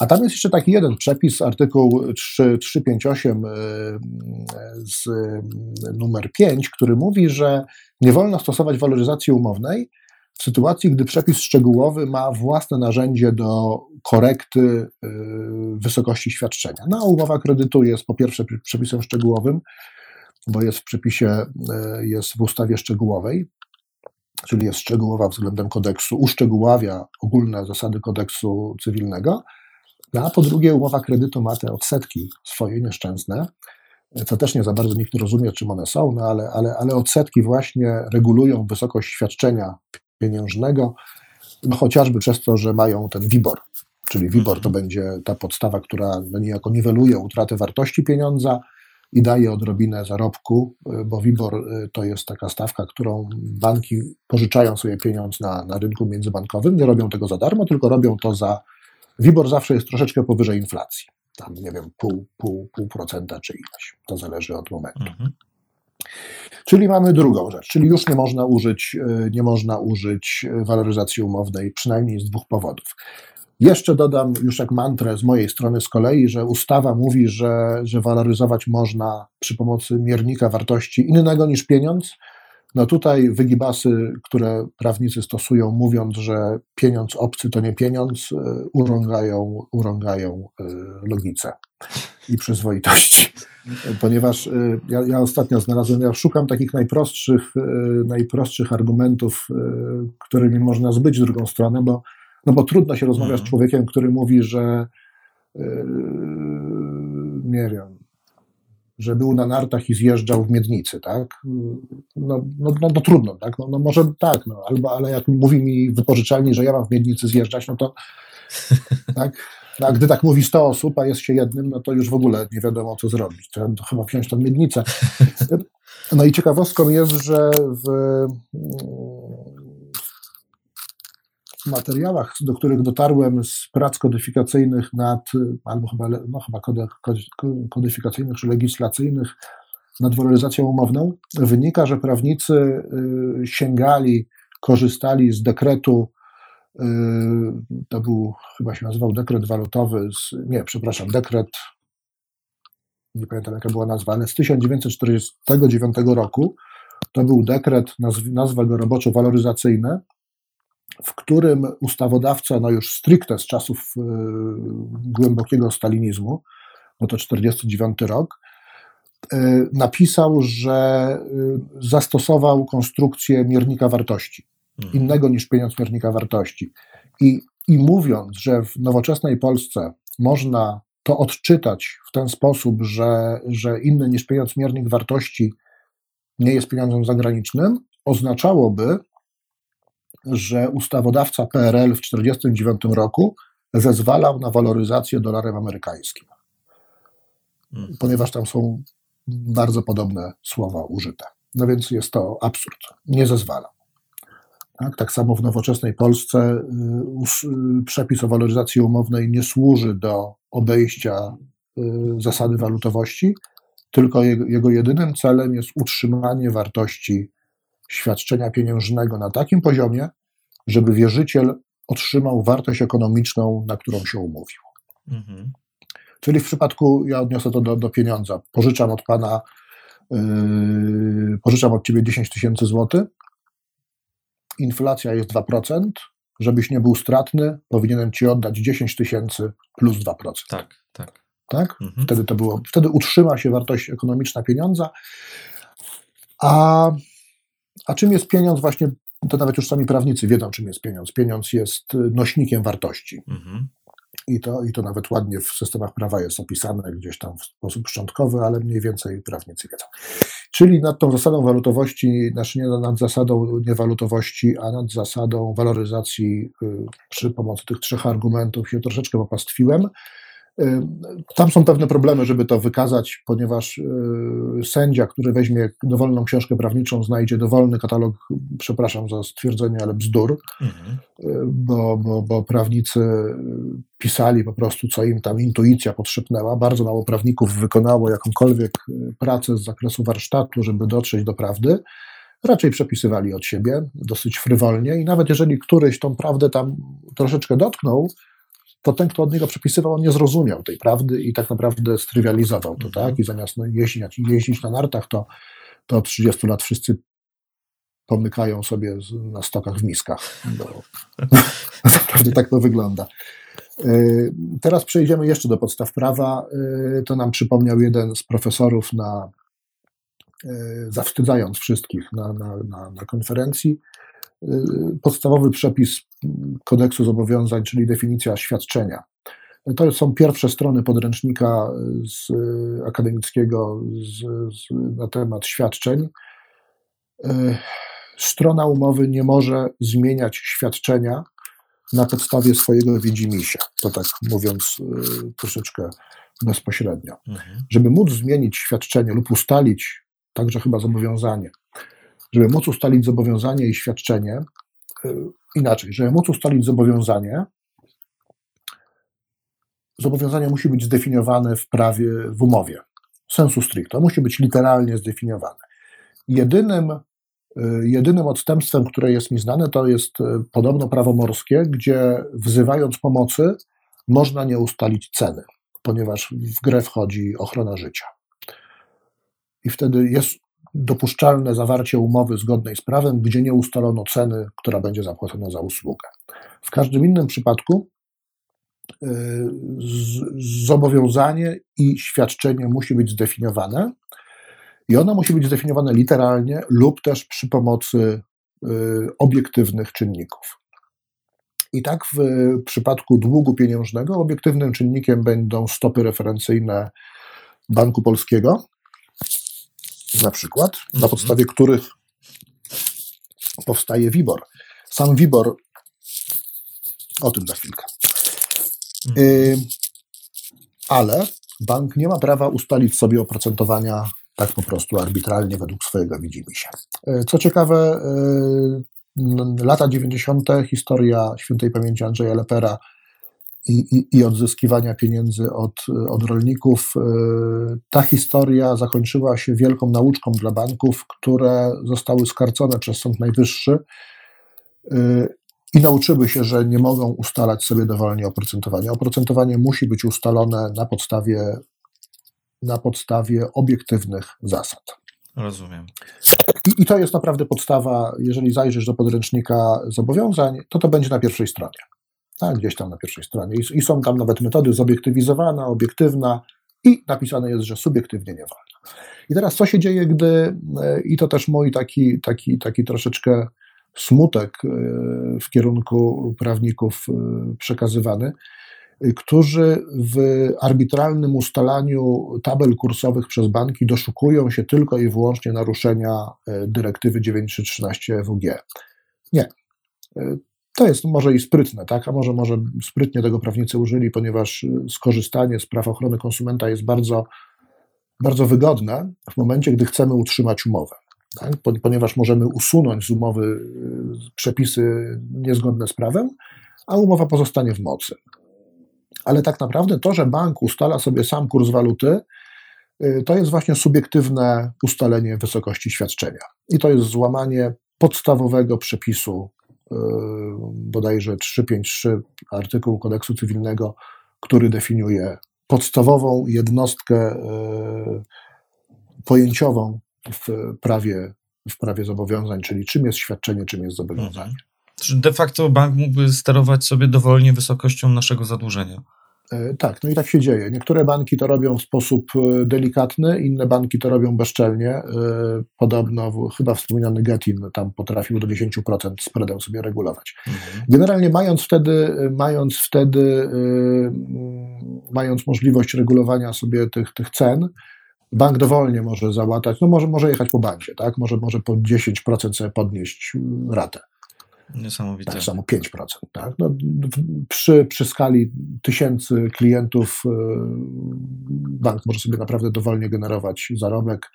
Niektóre banki, tak jak wspomniałem, robiły to naprawdę bezczelnie i, i dynamicznie bardzo. Inne banki tego dynamicznie nie robiły, ale, ale, ale, ale wspominany mBank na przykład po aferze E, tudzież po, po, e, po cezurze roku 2008 obniżył spread z 6 na 3. Tak? Też nie wiem dlaczego. Tak? No, jak było 6, no to niech będzie 6, oni sobie obniżyli na 3. Czy to jest zgodne z prawem? Moim zdaniem nie. Ja tak nawet wejdę jeszcze tobie w słowo. E, mm, widziałem taką analizę, gdzie właśnie wspomniany przez ciebie Getting Bank e, e, nie tylko, że manipulował tym spreadem, ale była też zauważalna korelacja między spreadem a e, stopami procentowymi ustalanymi przez e, Narodowy Bank Szwajcarii. Mówiąc krótko, jak Bank Szwajcarii sobie obniżał oprocentowanie, to wtedy Getin niwelował jak gdyby tą obniżkę podnosząc spread. No tak, tak. To jest znaczy, namacalny dowód no, na to, że coś tu naprawdę jest nie tak. Tak, znaczy to, to jest działanie, już to nie jest na granicy prawa, to już jest poza prawem. Czy mógł tak robić od strony ekonomicznej? no byśmy się zastanowili, no pewnie tak, no, tak, no bo skoro jest zero oprocentowanie, to on tam musi jakoś zarobić. Jest, jest to bardzo złożone, nie jest to czarno-białe, aczkolwiek złożone systemy należy tłumaczyć w sposób maksymalnie prosty, stosując brzytwę Ockhama musimy odciąć wszystkie komplikacje mhm. i, i znaleźć tą najprostszą ścieżkę prowadzącą do rozsądnego rozwiązania, a tą najprostszą ścieżką, moim zdaniem, jest system prawa, mhm. który pomimo, że jest odczytywany źle, nieumiejętnie, manipulacyjnie, to jednak przy uczciwym odczytywaniu prowadzi do, do, do celu. Yy, I zamiast poszukiwać, ja dlatego nie poszukuję, nie poszukuję yy, w zakresie kreacji pieniądza, nieuczciwości banku, tam, nie wiem, działania na, na rządzenia światem, ponieważ y, jest to para w gwizdek. Mhm. To, na czym się opieramy, to jest system prawa, to jest stabilna rzecz. Y, prawnicy, którzy, którzy powiem bez ogródek, prostytuowali się w, za pieniądze banków, przestali to robić. Robią to nadal na pewno, ale już nie na taką skalę. Profesorowie, którzy mówili zbyt pochopne rzeczy, a nawet wydali książki, Mam wrażenie, że ja ich, ich, już w prasie nie widzę, nie widzę mhm. ich w obiegu publicznym. Oni, się, oni, oni zdali sobie sprawę, że pojechali po bandzie, e, przesadzili, skompromitowali się, e, nie wracają do tego. E, I dobrze, tak? A, a wygrywamy my, szukając powolutku, spokojnie prawdy w, w przepisach. Znajdujemy tam nie tylko prawdę, ale i, i, i mnóstwo, mnóstwo, mnóstwo zaniedbań, że tak powiem. To może, może do tego dojdziemy. Ja się ciebie też tak pytałem właśnie, dlaczego ten Kowalski dopiero po takim czasie y, zaczął dostrzegać jakieś tam mankamenty w tych umowach i jak teraz z tobą rozmawiam i mówisz o tym, jakie są główne te mm, przewiny, y, jeśli tak to można w ogóle określić, banków, no to jest to na tyle skomplikowana materia, że okej, okay, ja nie jestem prawnikiem, ale powiedzmy finanse, może nie stricte takie w wydaniu bankowym, ale ogólnie rynek finansowy nie jest mi e, obcy, a mimo wszystko przyznam od razu, że mam ogromny problem, żeby zrozumieć, o czym czasami mówisz, bo no są to kwestie, które na co dzień przez przeciętnego człowieka no, nie są tak prosty sposób y, rozumiane, czy w ogóle rozumiane, a widzę, że tutaj prawnicy sami nie wiedzą, o czym często mówią. Tak, ja zrobię małą, mały test. Gdy komuś pożyczasz samochód, mhm. to powiedz mi, czy wtedy zachodzi umowa pożyczki, artykuł 720? Nie mam pojęcia. No właśnie. Nie mamy pojęcia. Kompletnie nie mamy, tak? Gdy pożyczamy samochód, nie dochodzi do pożyczki, tylko do użyczenia. Mhm. My o tym nie mamy pojęcia i nie od tego jesteśmy. Tak? My jesteśmy od innych rzeczy. Prawnicy są od tego, żeby, żeby system prawa kształtować i, i prawidłowo, ponieważ to powiedziała nam ostatnio y, pierwsza prezes Sądu Najwyższego, y, gdzieś tam na fali emocji, że suwerenem jest system prawa. Troszeczkę przesadziła mhm. Y, pani, pani prezes, aczkolwiek należy powiedzieć, że system prawa jest jednym z większych dorobków społeczeństwa. System prawa, który, który mamy, bazuje na dorobku prawa rzymskiego. Przetrwał 2000 lat. Tak. I bardzo jest łatwo zniszczyć dla pieniędzy, dla, dla poklasku, dla ratowania jakiejś dziwnej sytuacji społecznej. Bardzo łatwo jest zniszczyć system prawa. Tylko, że to się nazywa wandalizmem, barbarzyństwem i za to się zapłaci za chwilkę. W okresie Cesarstwa Rzymskiego e, był okres przy upadku, w momencie upadku Cesarstwa Rzymskiego jest okres nazywany wulgaryzacją prawa. Mhm. To był moment, gdy, y, gdy tak zwani glosariusze, którzy byli prawnikami toczącymi spory, już, y, już ich było mało, już może uciekli do metropolii, już, ich nie, już nie mieli czego szukać na prowincji, która gdzieś tam traciła kontakt z, z centralą.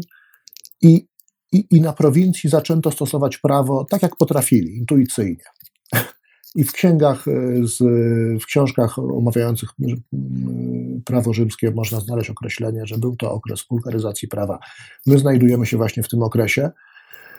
E, ja zastanawiając się e, nad tym problemem ostatnio, doszedłem do takiej bardzo przykrej, do takiej bardzo przykrej, do takiego przykrego wniosku. Spróbujmy odpowiedzieć na pytanie, za co biorą pieniądze prawnicy. Mhm. Czy prawnicy biorą pieniądze za za to, żeby przed sądem dotrzeć do prawdy? Odpowiedź jest nie. Prawnicy przed sądem kłamią w ramach dostępnego wachlarza i możliwości, żeby osiągnąć cel stawiany przez klienta. No, najlepszym przykładem będzie adwokat, który broni y, ewidentnego zabójcy czy złodzieja. No tak tak? I, i, I w naszych, y, z drugiej strony, y, prawnik, który jest wynajmowany przez y, przedsiębiorcę. Czy on jest wynajmowany, żeby ten przedsiębiorca dowiedział się, czego nie może robić, czy raczej co może zrobić na pograniczu prawa, żeby, żeby, żeby, żeby nie popaść w tarapaty takie bezpośrednie, ale żeby zyskać konkurencyjnie. Mhm. No, znów odpowiedź jest jedna, tak? No, przedsiębiorca zapłaci prawnikowi za to, żeby ten mu powiedział, jak bezpiecznie znaleźć się na granicy prawa, tak żeby konkurencję wykiwać. Ja nie wiem, czy poprzednio wspominałem o fajnej prelekcji, którą można w internecie znaleźć pana Romana Kluski na temat etyki w biznesie. On, on dokładnie o tym mówi. On mówi, że y, zaczął y, zastanawiać się lub podjął decyzję o sprzedaży przedsiębiorstwa. Tam jeszcze była polityka jakaś brudna, uwikłana, ale to, to inna sprawa, ale powiedział, że w momencie, gdy zauważył, że 30% jego czasu pochłania akrobatyka prawna, to wtedy zrozumiał, że to już nie jest to, co chce robić. Bo nie, nie zajmował się już tworzeniem rzeczywistości, tylko, tylko y, omijaniem prawa. Rozumiem. Mhm. I to jest dość smutne też, bo, bo taki człowiek później ma dylemat y, już natury moralnej. No jeżeli jesteś uczciwy, to tracisz y, przewagę, konkurencyjność, bo ktoś drugi nie będzie tak. miał takich y, dylematów i tak. po prostu cię wyprzedzi. Tak, dokładnie tak. I to się stało, no, to, gdy, gdy omawialiśmy gdy omawialiśmy kondycję sektora bankowego, dokładnie tak się stało, że banki, które były nieuczciwe, wygrały, wyeliminowały konkurencję, która, która chciała być uczciwa, a może nie chciała być nieuczciwa po prostu. Bankowość Bankowość, ja, ja, gdy rok 2008 był kryzys, ja się cieszyłem, że, znaczy cieszyłem się, no, patrzyłem z, taką pewną, e, z takim pewnym podziwem lub spokojem na polski sektor bankowy, w sumie chyba niewiele o nim myśląc, ale, ale jakoś tak odczuwałem, że cała ta fala światowego kryzysu na nasze banki nie miała większego wpływu. Dlaczego? Dlatego, że te banki nie, nie, nie są bankami inwestycyjnymi tak zwanymi, mhm. czyli nie operują w zakresie spekulacji, tylko tradycyjną bankowość uprawiały do czasu, tak?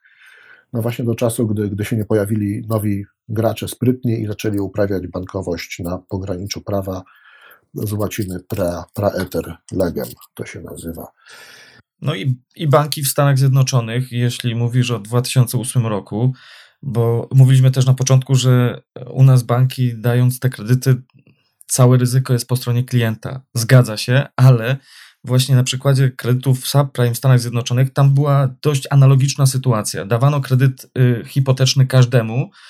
Y, śmiano się, że jedynym wymogiem było to, żeby w trakcie podpisywania umowy był wyczuwalny puls u, u delikwenta, mhm. no bo mhm. y, rynek nieruchomości szedł w górę, więc nawet jeżeli to była osoba, która w przeszłości już nie spłacała kredytów, nawet gdyby przestała go ponownie spłacać, no to bank i tak jest zabezpieczony, bo sprzeda sobie nieruchomość. Tylko, że w pewnym momencie ilość tych kredytów, złych kredytów była tak wielka, że tyle było wyprzedawanych na aukcji tych nieruchomości, że sektor bankowy załamał sektor nieruchomości i polecieli wszyscy w dół. No i teraz jest pytanie, czy będzie u nas e, może przez analogię coś podobnego, to znaczy niby teraz cała odpowiedzialność jest po stronie klienta, bank ma nieruchomość, ale jeżeli ten ląd się wypali, to wszyscy polecą w powietrze. Mm, no, na pewno, tak, tak będzie. Ja, ja nie wiem, jak wygląda sytuacja w Stanach Zjednoczonych od strony zabezpieczenia.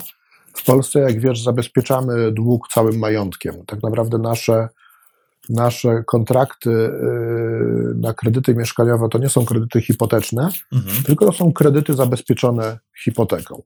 A oprócz tego zabezpieczone całym naszym majątkiem. No właśnie ponieważ bank w ramach egzekucji ma, ma roszczenie do całego majątku. Hipoteka jest tylko jednym z, z elementów.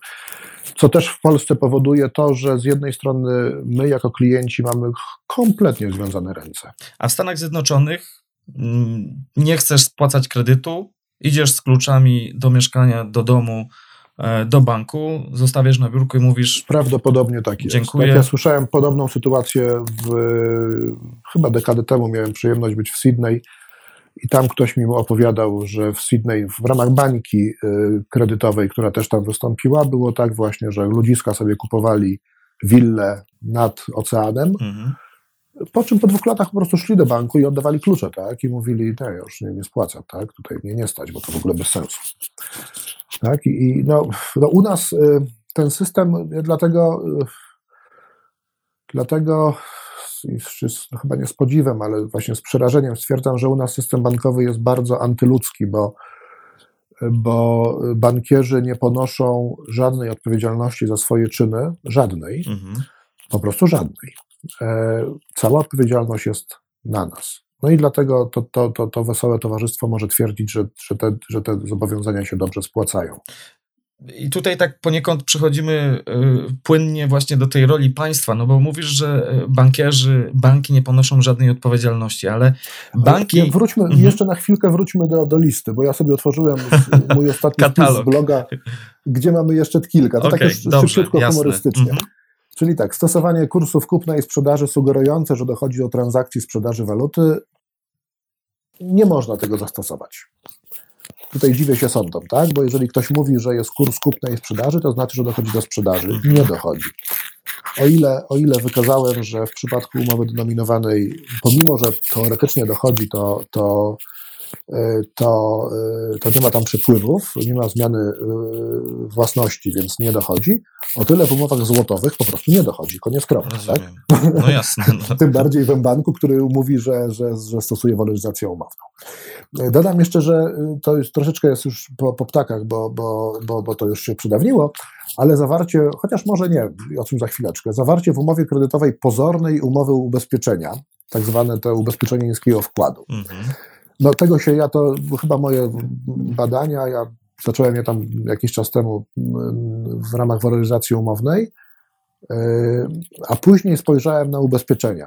I, I, gdzieś, gdzieś w internecie są jakieś moje takie teksty wczesne, gdzie, gdzie ja pokazuję, że to, co jest w tych naszych umowach kredytowych, że to się nijak mhm. nie, nie, nie wkomponowuje w e, umowę o ubezpieczenia, która jest bardzo ładnie zdefiniowana w kodeksie cywilnym.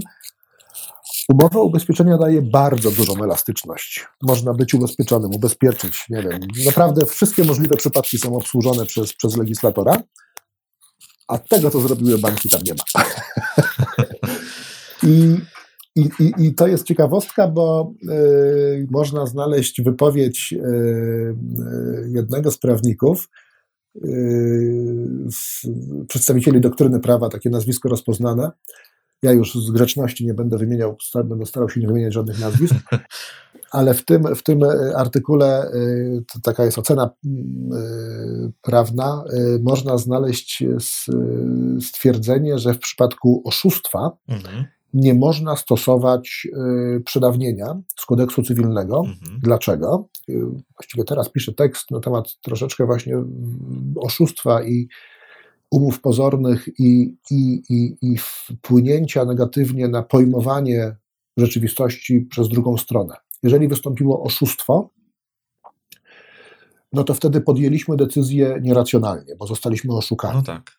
I, I, ten przedstawiciel doktryny mówi, że w tym momencie nie występuje dziesięcioletni okres przedawnienia, tylko 25-letni, ponieważ trzeba go wziąć z kodeksu karnego.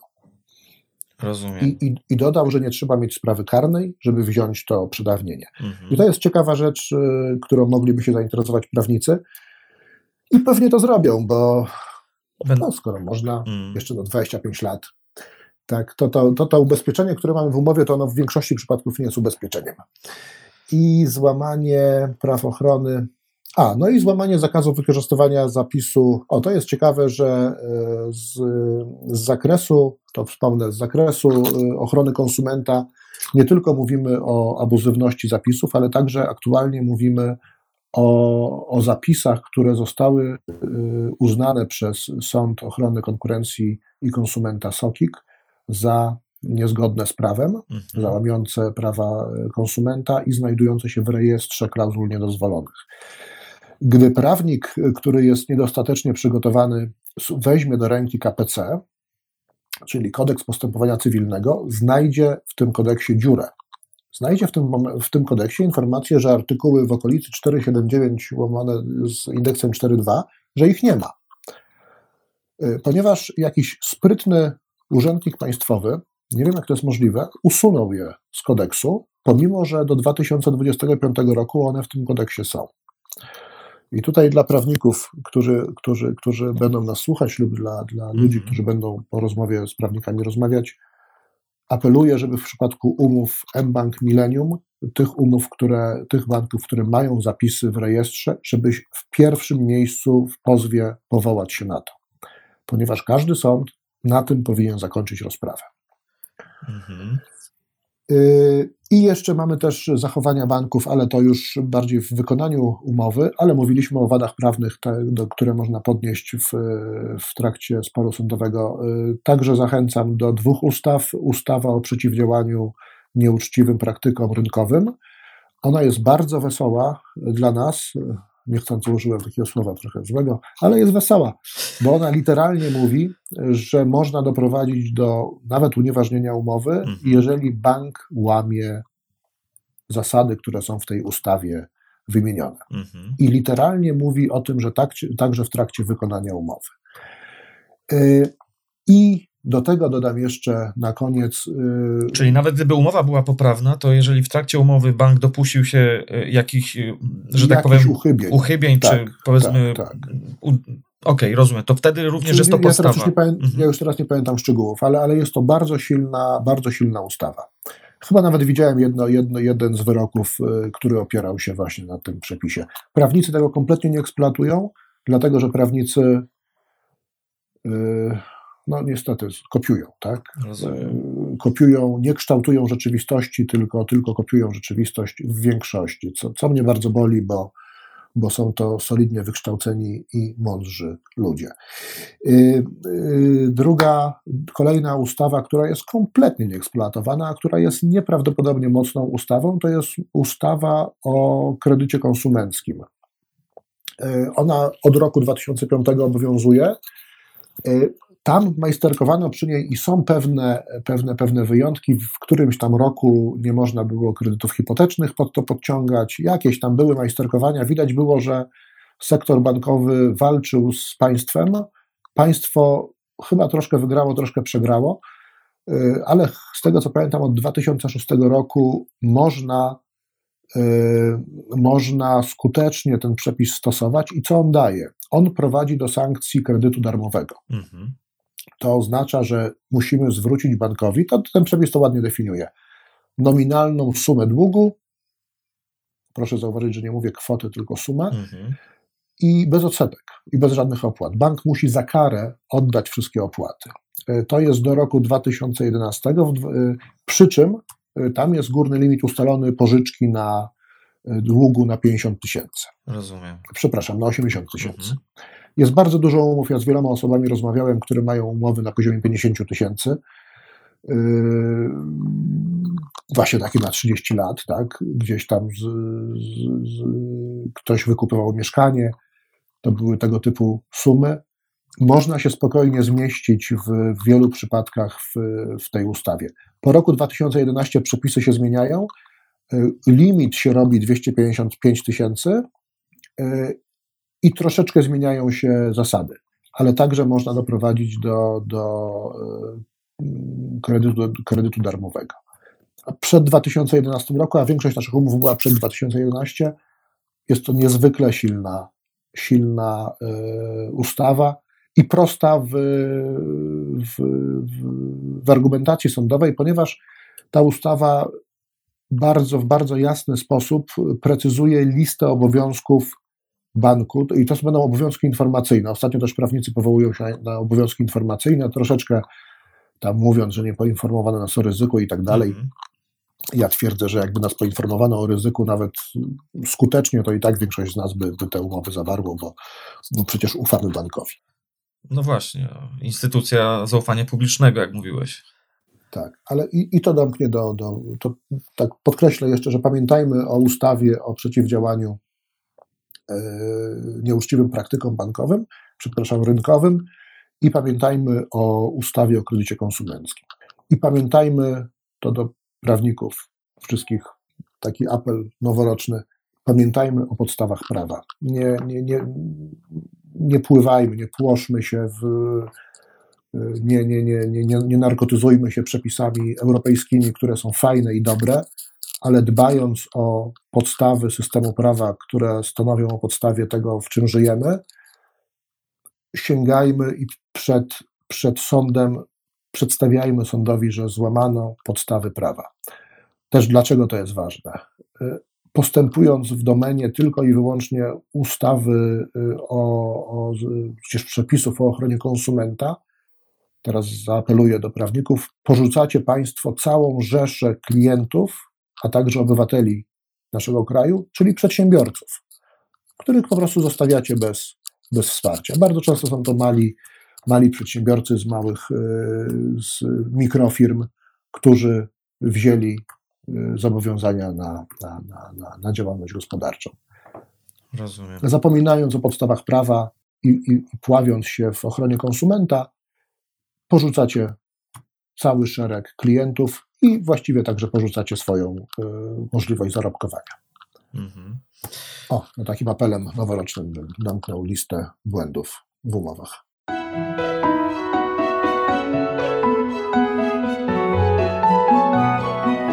Bardzo, bardzo dziękuję, ale to też bardzo dobrze y, właśnie pokazuje y, poziom skomplikowania całej materii.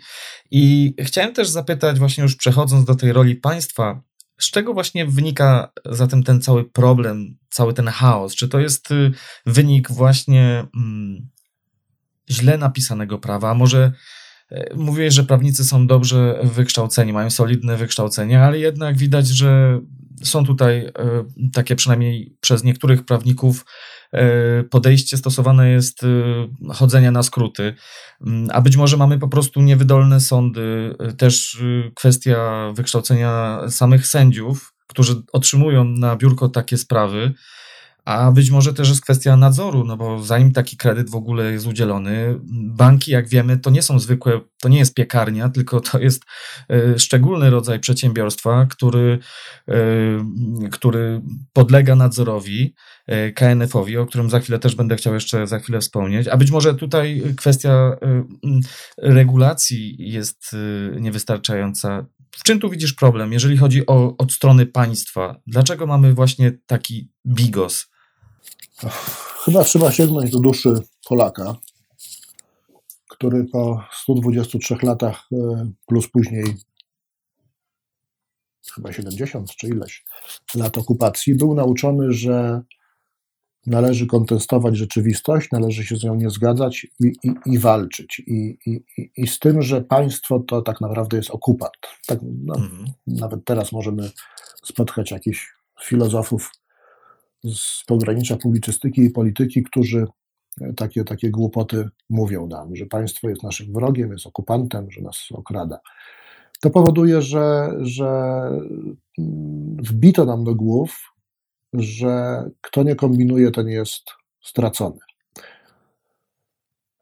Zauważ, że y, nawet gdy nam marketing, y, marketingowo wbijano do głów, że mamy się zadłużać te 15 lat temu, to wtedy takie hasła pojawiały się. Kto teraz nie weźmie długu, wpadnie w tarapaty. Teraz jest y, moment, nie wiem, najlepszy, chociaż to chyba się już pomyliłem w tym, co chciałem powiedzieć. W każdym razie prawnicy, mhm. tak już przejdę do, do, do, te, do momentu samego systemu prawa. Prawnicy zamiast budować prawo i je szanować, działają przeciw prawu. Dlaczego? Dlatego, że na tym zarobkują.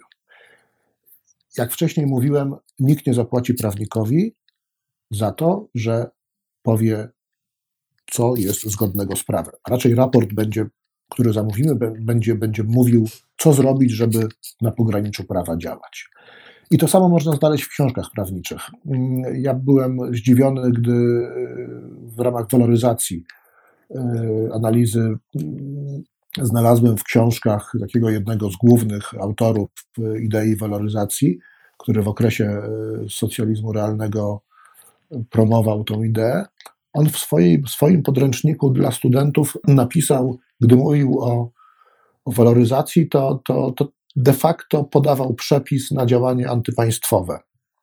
Nawet chyba to powiedział. Jest to chyba też w tych, na tych jego stronach napisane, że tak nie można, bo to by było działanie anarchistyczne. Y, ale on, on tak naprawdę podawał przepis, jak w Polsce Ludowej omijać prawo. Y, czyli jeżeli prawnik w podręczniku dla studentów, prawnik autorytet, podaje dzieciakom, y, jak łamać prawo, no to to jest przerażające. Mhm. I mam wrażenie, że ja wcześniej powiedziałem, że prawnicy są dobrze wykształceni, bo, bo są.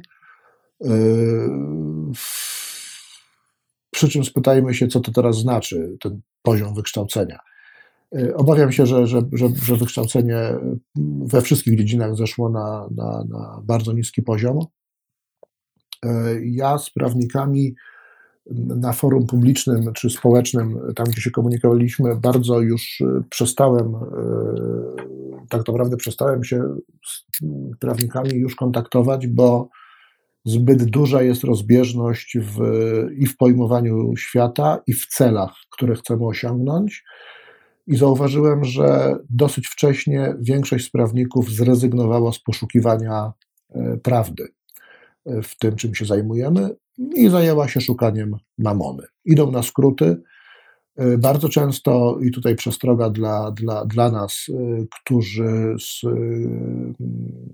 z usług prawników muszą skorzystać, bardzo często, podobnie jak banki, idą na skróty na nasze ryzyko, ponieważ prawnik niczym nie ryzykuje. Mhm nie ma ani żadnej komisji odpowiedzialności dyscyplinarnej.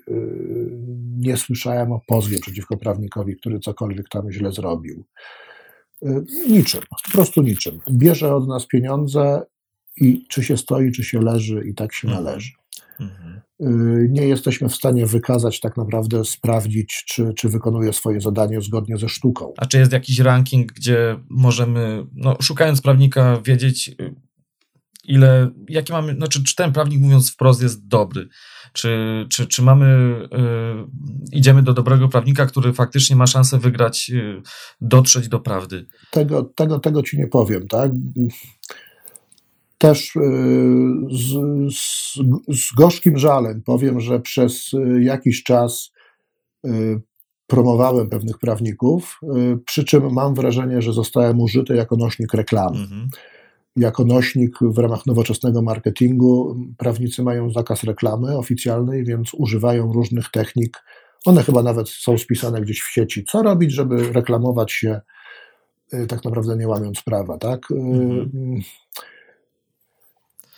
I y, jeden z prawników, zresztą na blogu się jest kilka artykułów pochlebnych. Starałem się tak 50-50%, żeby było i krytycznych. Czym więcej wiem, tym, tym, tym bardziej mówię, że, że to jest niezwykle niebezpieczne. O ile w przypadku umów y, złotowych sprawa jest prosta, o tyle w przypadku umów denominowanych sprawa jest bardzo skomplikowana i uważam, że prawnicy, którzy aktualnie te sprawy prowadzą w sposób analogiczny do złotowych, y, bardzo ryzykują y, pieniądze klientów. I więc rankingu ci nie podam. W sieci można znaleźć gdzieś tam jakieś spisy wygranych spraw i przegranych. Y, raczej będą, będą to sprawy pewnie wygrane, ktoś tam się będzie chwalił. Y, tą pracę trzeba wykonać samemu. Y, Rozumiem. Niestety, idąc do sądu, ja, ja nie podam ci prostych odpowiedzi, ponieważ, ponieważ ich nie ma. W ramach poznawania i brnięcia przez ten, przez ten problem zrozumiałem, że, że tam, gdzie zaczynają się, to chyba może jest takie przysłowie, tam, gdzie zaczynają się pieniądze, kończy się moralność. I tyle. Tak? I niestety y, z tego zrobił się biznes y, i, i, i mamy do czynienia w dużej mierze z biznesmenami, a nie z ludźmi, którzy będą dbali o nasz interes, bo bardzo często nawet tak nie jest. Rozumiem. Ale w... Czyli nie, podam, nie podam nazwisk, nie podam rankingów, y, powiem, że w sieci można znaleźć w sieci można znaleźć spisy spraw wygranych. Są społecznościowe sieci, w których można znaleźć, albo są, jest dużo grup, y, gdzie można spotkać, y, czy to, czy to, czy to nas, y, kredytobiorców, czy to aktywistów, czy to prawników. Tam bardzo też zalecam ostrożność. Ja przez to, że to zacząłem głośno mówić, to, to stałem się w ostatnimi czasy persona non grata. Tam proszę bardzo uważać, bo będzie bardzo dużo naganiaczy, mhm. którzy reklamują, zachwalają prawników. Bardzo często, y, no nieuczciwie. Y, też można znaleźć y, sytuacje, w których zadajemy pytanie, zadasz pytanie na grupie, prawnik wyskakuje jak Filip, tam jak królik z kapelusza i mówi przyślij mi na priv swoją umowę, to ja ci podpowiem. No w tym momencie już przejmuje taki prawnik ciebie i, i, i, i oczywiście obsłuży cię prawidłowo. Tak, oczywiście z dobroci serca. Z dobroci serca. Ja, ja takiego, taką jedną, jed, takiego jednego prawnika, żeby też płci nie wymieniać, e, no, dosyć bezpośrednio poprosiłem, żeby tego nie robiła. Jeżeli chce pomagać, to niech na forum publicznym podpowie, co zrobić. Niech się podzieli wiedzą. -hmm, tak? -hmm. Niestety prawnicy korzystają z forów internetowych, ja to nazywam z jak, jako z działów, jako z takich ubojni znanych z banku. Mhm, rozumiem. Tak? I, i, no, I pewnie nie, nie, takiej, nie, takiej, nie takiej odpowiedzi się spodziewałeś, ale to jest niestety, nie, jest niestety praca, którą każdy z, z nas musi wykonać sam. Ja, rady, ja radę, którą mogę podać, y, to jest taka, żeby po pierwsze zainteresować się tematem, tą, tą, y, tą sprawą trzeba się samemu zainteresować, trzeba zbudować swoją świadomość Trzeba troszeczkę jak, jak w, w Gwiezdnych Wojnach e, wyzbyć się emocji i, i poddać troszkę kontemplacji. E, najgorsze są emocje. E, tutaj mm, pamiętaj, że znajdujemy się, za chwilę jakieś, jakieś sumy podam, znajdujemy się w obszarze kupna sprzedaży usługi bardzo drogiej, za którą tak jak powiedziałem, dostawca usługi niewiele odpowiada, co najwyżej swoim prestiżem. Jeżeli, jeżeli budując dobry imidż, y, na przykład zdobędzie 200 klientów, powiedzmy sobie, myślę, że możliwe, y, od każdego weźmie ileś tam pieniędzy, z tego się robią poważne sumy. Mhm. I w momencie, gdy naprawdę niczym nie odpowiada, y, nie wymieniając nazwisk, weźmy na przykład te pozwy mm, grupowe. To się chyba nazywa pozew tak, grupowy. Tak, tak. Tam przeciwko bankowi są takie pozwy. Facet, który doprowadzi 1500 osób razy dwa, mhm. nie zrobił nic. Mhm. Argumenty, które wy, wyprowadzał, od każdego chyba brał 500 zł. To jest gdzieś tak, nie wiem, tam 600 tysięcy złotych. A czy to nie jest nierówność kontraktowa? Wspominałeś jeszcze w pierwszej części o nierówności kontraktowej względem klienta a bankiem. No tutaj też mamy rodzaj, powiedziałbym, nierówności kontraktowej. Ja, klient, laik, idę do prawnika Ale po pomoc. No, ale mnie podpuszczasz teraz, to, no to powiem bez ogródek. Mhm. Rok temu, gdy zadałem te pytania, yy, poprosiłem, wysłałem do chyba 100, 100 kancelarii, zdobyłem w sieci listy kancelarii, też notabene w sieci można znaleźć, na forach można znaleźć listy kancelarii y, prawniczych i, ja, i, i, trzeba do tych kancelarii po prostu napisać list, y, poprosić o ofertę, y, argumentację mhm. i, i później to przejrzeć, ceny. Ja zrobiłem coś takiego, chciałem zrobić przegląd umów z kancelariami i dostałem tych umów y, dosyć dużo, nawet oficjalnie, od, od, od, od kancelarii. Y, niektóre kancelarie y, powiedziały, że nie, a bardzo dużo ludzi mi przesłało swoje umowy, zresztą łamiąc postanowienia umów, o tym za chwilkę, w ramach nierówności kontraktowej. I gdy ja te umowy przeczytałem, to mnie, ja miałem napisać na ten temat raport taki właśnie dla, dla konsumenta. Jak mhm. gdy przez ten materiał przebrnąłem, poddałem się. To, to było ponad moje siły. Y, z uwagi głównie na ilość nierówności kontraktowej, która w tych umowach się znajduje. Mhm. Więc podpisując kontrakt z prawnikiem, e, podpisujemy y, cyrograf, z którego nie tylko wynika, że nie mamy przeważnie żadnych praw, ale także, że nie możemy o tym nikomu powiedzieć, bo jak powiemy, to, to zostaniemy pociągnięci do odpowiedzialności karnej, czy jakiejś innej tam cywilnej.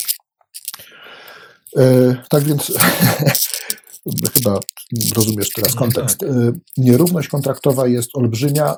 Według mojej oceny jest jeszcze większa i poziom nieuczciwości jest jeszcze większy niż w kontraktach z bankami, ponieważ w żadnym kontrakcie z bankiem nie jest napisane, że nie można omawiać tej, tej umowy na forum publicznym.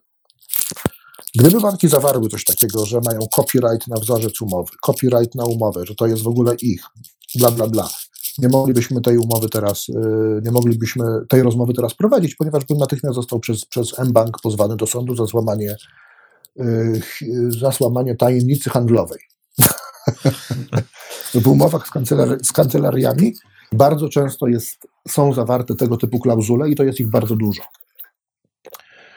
Y, co mnie osobiście przeraża. Gdy, gdy ktokolwiek z nas, no, szukając prawnika, Należy oczywiście poprosić o wzorzec umowy. Pamiętajmy, że prawnicy także stosują wzorce umowy, to, to są zwykli przedsiębiorcy. I oni stosują wzorce umowy, czyli, czyli y, standardowe, podobnie jak banki, standardowe wzorce do masowego stosowania. Tutaj ustawodawca nie powiedział, co znaczy masowe, czy to jest 15 czy miliona. Według mojej definicji jest to powtarzalne. I pamiętajmy, że prawnicy podlegają pod dokładnie te same przepisy ochrony konsumenta, co, co, co banki. Mhm. I tam jest, ja na przykład jest taka jedna rzecz, kiedyś słyszałem od jednej z pań, że, że prawnik dał jej do podpisu umowę na kolanie. I, i ona podpisała i, wyszła, tak? Mhm. No taka umowa jest nieważna z mocy prawa. Mhm. Ponieważ e, przedsiębiorca przed, e, aby, aby umowa była e, skutecznie zawarta, musi przedstawić do przeczytania, do zapoznania się wzorzec umowy przed podpisaniem.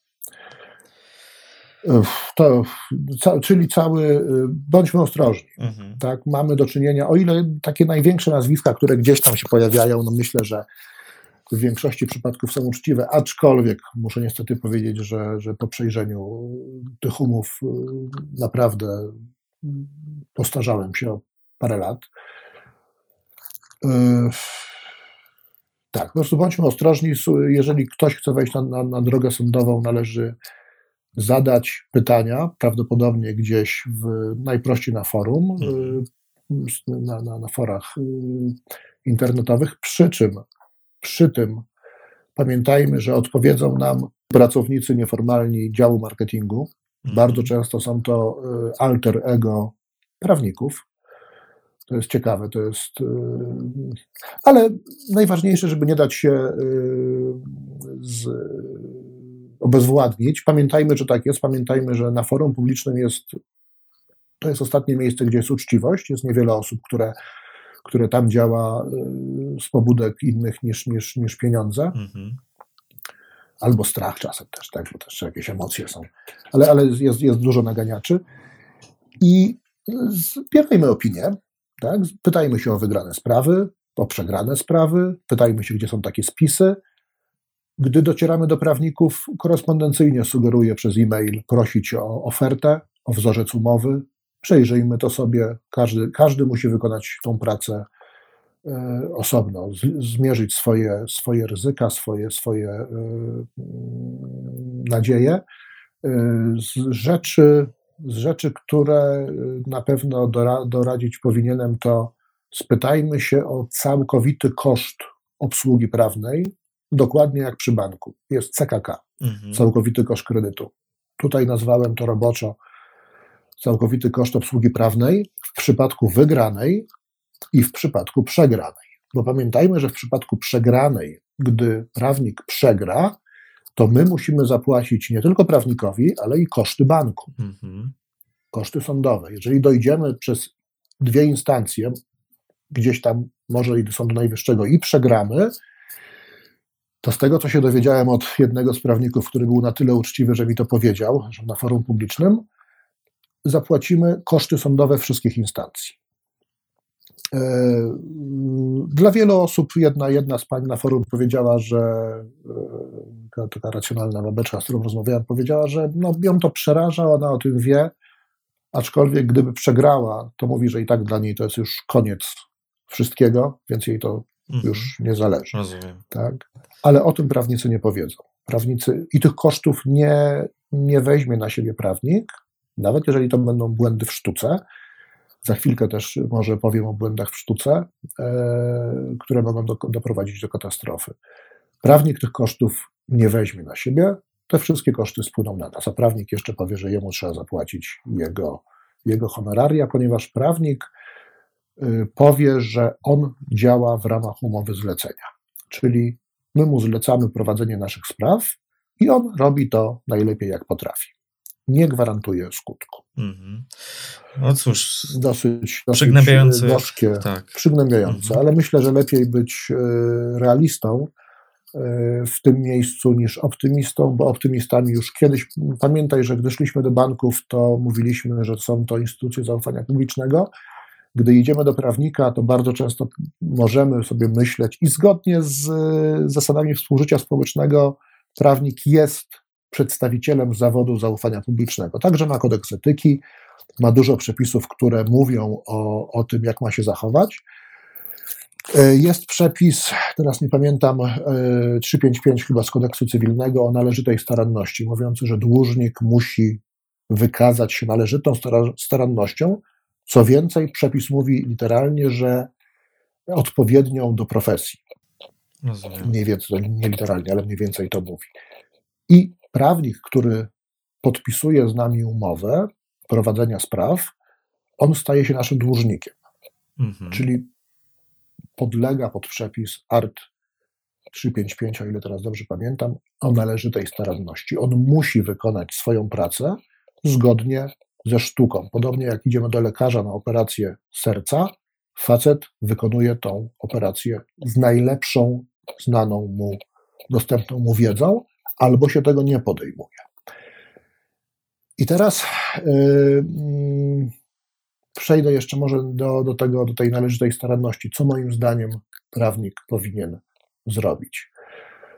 Jak gdy spytałem się jednego z prawników, co to jest należyta staranność, uzyskałem odpowiedź, że to jest odpisywanie na, na, na, na listy i na pisma i składanie pism w terminie. No, fajnie, tak? To, to jest należyta staranność Mhm. asystentki lub nawet sekretarki prawnika. Moim Mhm. zdaniem, nie prawnika. Mhm. Prawnik po to skończył 5 lat studiów, po to zrobił aplikację radcowską lub adwokacką, która trwała kolejne lata.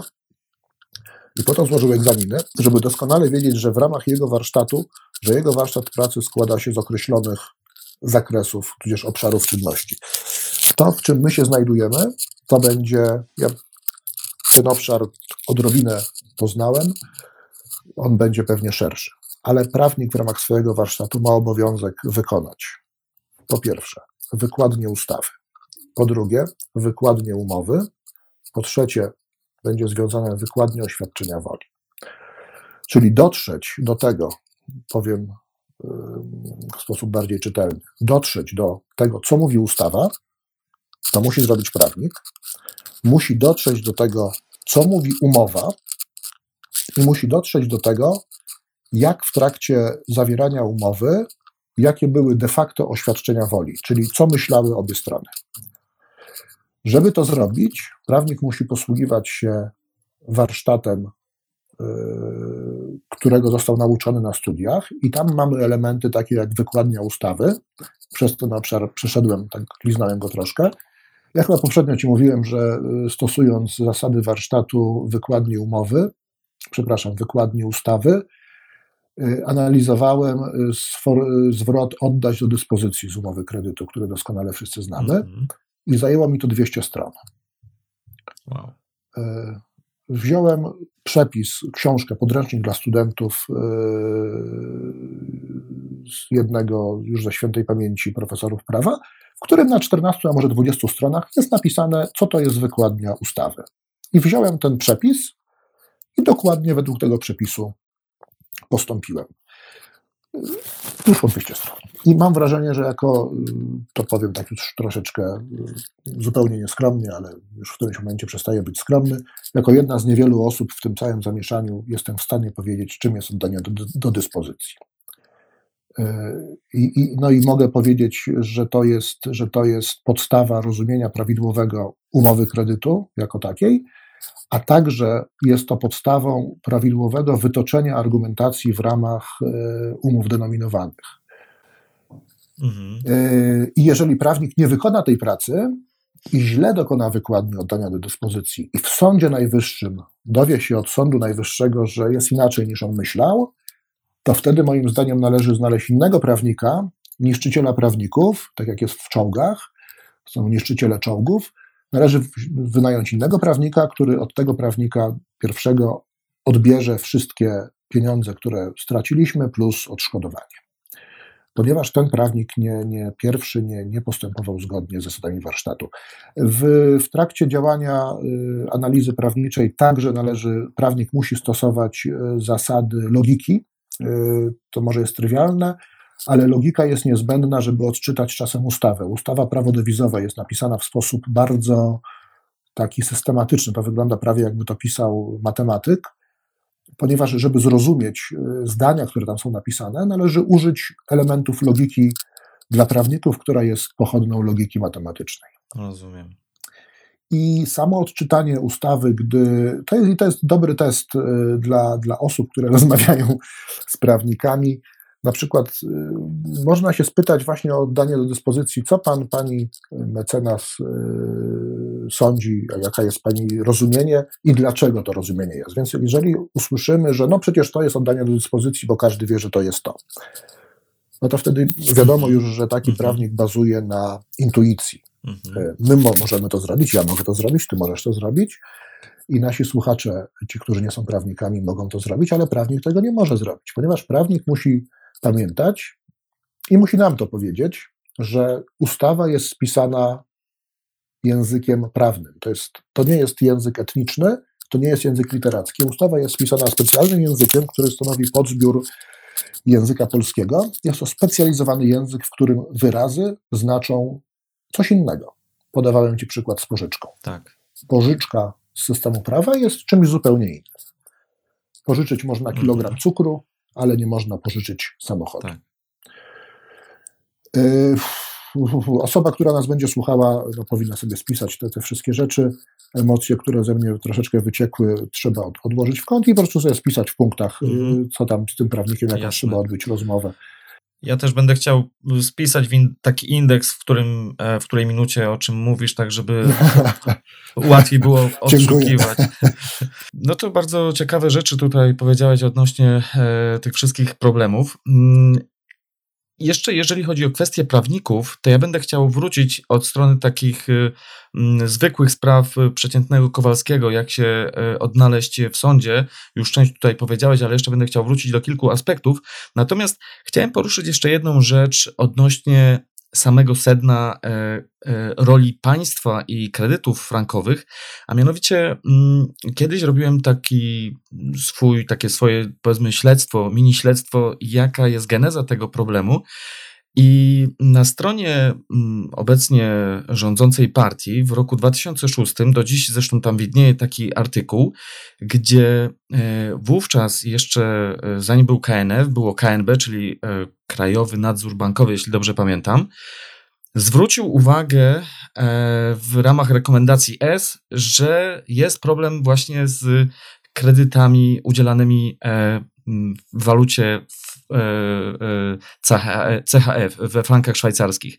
I wówczas, e, e, ponieważ ta e, obecna e, partia wówczas też była przy władzy, stwierdziła, że, e, że to jest coś, co by hamowało rozwój e, gospodarki.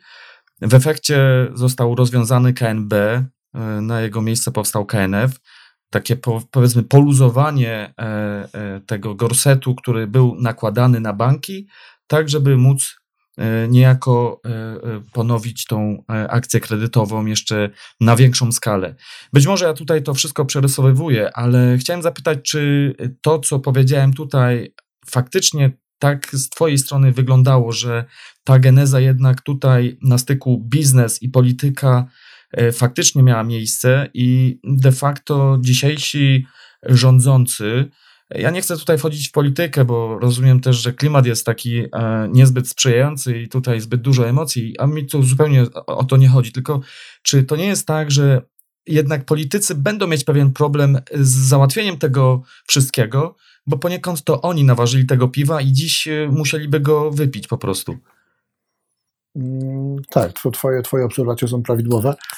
E, Sektor bankowy w swoim zamierzeniu, według architektów PRL, miał być sektorem, to moim zdaniem to miało być coś w rodzaju kooperacji prywatno-publicznej.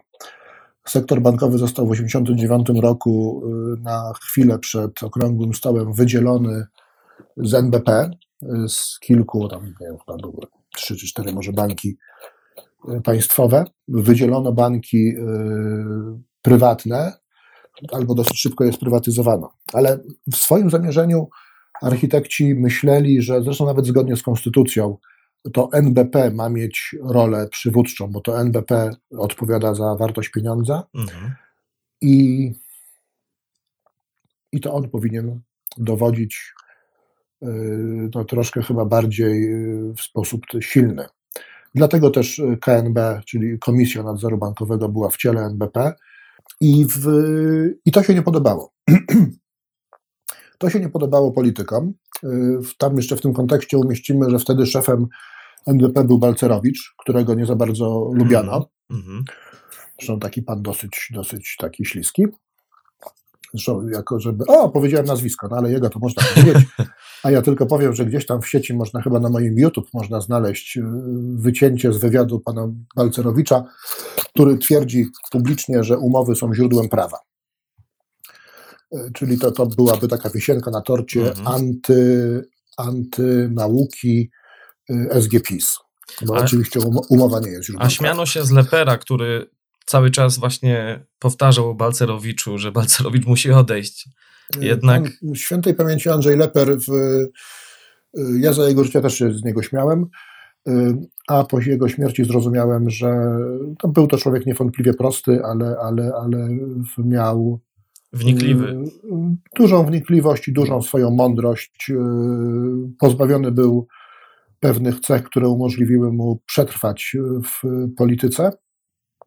Mm, ale miał, miał rację, tak? Niestety. Pan, no nie będziemy tutaj o panu Balcerowiczu rozmawiać, ale, ale człowiek jest jaki jest. No w każdym razie do hasła Balcerowicz musi podejść, odejść prawdopodobnie także politycy partii rządzącej yy, gdzieś tam sobie po cichutku powtarzali i bardzo im nie odpowiadało, że, że yy, a może tam wchodziły jeszcze jakieś gierki polityczne, które, których teraz no, nie pamiętamy, ale na pewno im przeszkadzało, że ten bank centralny z tym, z tym wielkim, złym człowiekiem przeszkadza im w emisji pieniądza, w udrożnieniu kredytu. Co powinni wtedy zrobić y, ludzie? Y, może nie ludzie, ale prawnicy. No, prawnicy powinni wykazać, że, że tych kredytów nie można udzielać, ponieważ są niezgodne z prawem. I zresztą coś takiego zrobił pan Kwaśniak, szef, ja nie wiem, czy on w KNB był, czy później już był w KNF-ie szefem. Mhm ale pan Kwaśniak, yy, i to nawet ja się dowiedziałem z, z dokumentu, z Białej Księgi yy, z, wydanej przez ZBP, yy, tam takie pismo jest na jednej ze stron, pamiętam, koloru zielonego, w którym podpisane chyba przez pana Kwaśniaka jest napisane, że któraś tam z instytucji rządowych no nie ma wpływu na ograniczenie akcji kredytowej w walutach obcych, no jedynym ogranicznikiem jest, jest, są przepisy prawa, kodeks zobowiązań, kodeks prawo dewizowe oraz kodeks y, oraz prawo bankowe. No i wtedy, gdyby, gdyby mądrzy y, prawnicy, tak jak na przykład jak teraz potrafią podnieść larum przy, przy konstytucji, gdzie możemy dyskutować, czy to robią słusznie, może nie słusznie, ale czy zgodnie z literą tej konstytucji, czy nie, bo oczywiście każdy prawnik wyciągnie podzbiór wyrazów dowolnie tam, któremu odpowiada i twierdzi, że to jest całość ustawy, a ustawę się odczytuje jako, jako całość, tak samo zasadniczą. Ale o ile w momentach, y, gdy no, trzeba chronić pewnie system, zgrozo, jakiś taki szeroko pojęty, to, to wtedy pojawiają się mądre głowy, no to gdy jest gwałcone prawo, to tych mądrych głów brakuje. Nie ma, nikt, nikt nie podniósł larum, tak? nikt nie powiedział, nikt nie, nikt nie powiedział tego, co chociażby powiedzieliśmy dzisiaj, gdy, gdy wymieniałem listę 10 plus y, N y, niezgodności z prawem. Nikt nie powiedział, że umowa indeksowana, a wtedy był na to moment, że umowa indeksowana, która już gdzieś tam komatała się w praktyce bankowej, że ona łamie zasady prawa zobowiązań podstawowe, bo nie ma podstawy prawnej do zmiany waluty długu. E, nikt nie powiedział, że nie można e, oferować umowy denominowanej, czyli wyrażonej w pieniądzu obcym, jeżeli ta umowa nie doprowadza lub może doprowadzać do obrotu dewizowego. Rozumiem. Wielka szkoda, tak? Mhm. Wielka szkoda, ja myślę, no dlaczego? Dlaczego tak się stało? No dlatego, że,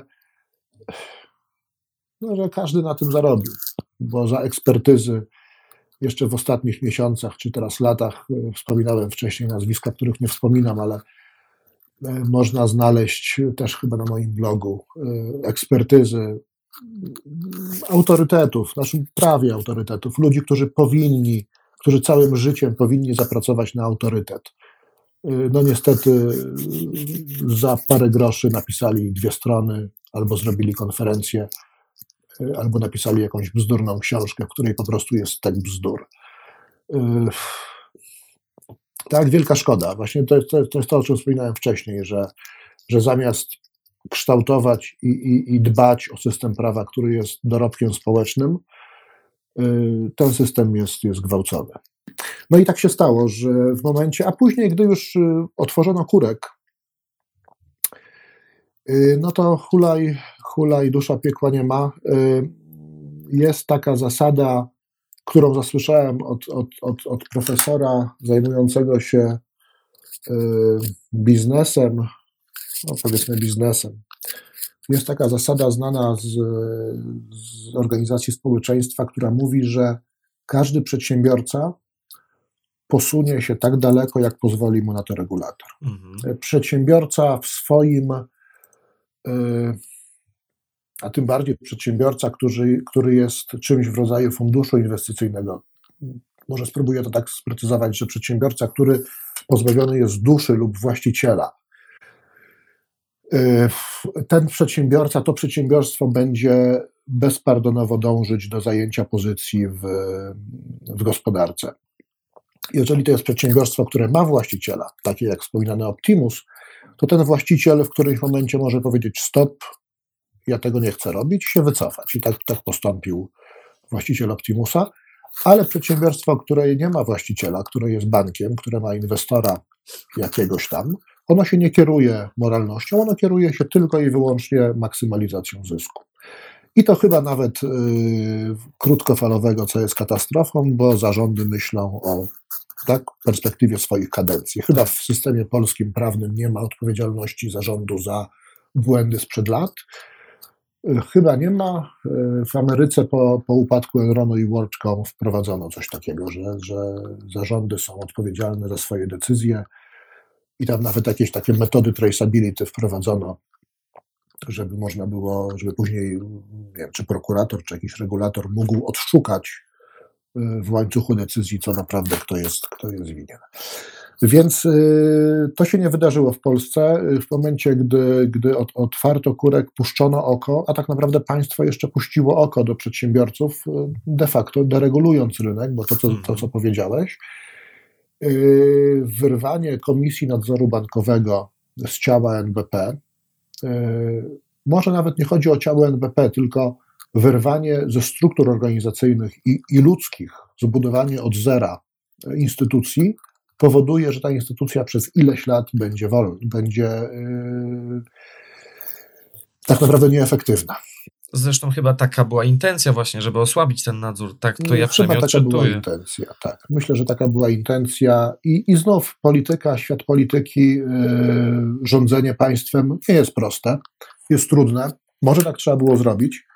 To, czego mi zabrakło, yy, to dbałość o detale, dbałość o to, co się zdarzy, gdy będzie źle. O to nikt nie zadbał, o tym już wspominałem wcześniej. Gdyby państwo wtedy rozpoczęło badania nad, nad przypadkami granicznymi, badania nad scenariuszami, które się mogą wydarzyć w przyszłości, gdyby nas na to przygotowało, gdyby zagwarantowało, że nikt z powodu yy, nie wiem, czy zmiany gospodarczej czy, czy, czy, czy, czy, czy otoczenia prawnego, że nikt z konsumentów nie zostanie skrzywdzony, a państwo ma do tego obowiązek, bo ponieważ w Konstytucji mamy zapis, bodajże artykuł 76, który mówi, że państwo chroni konsumenta. Państwo nie chroni przedsiębiorcy, bo, bo jesteśmy w państwie troszeczkę socjalistycznym, bo pamiętajmy, że rzeczywistość, w której y, żyjemy, to jest rzeczywistość tak naprawdę ukształtowana przez architektów PRL po pierestrojce, mhm. nic innego. Jeżeli ktoś powie, że tą rzeczywistość kształtowali robotnicy w wyniku strajków, y, no to będzie w błędzie. Tak?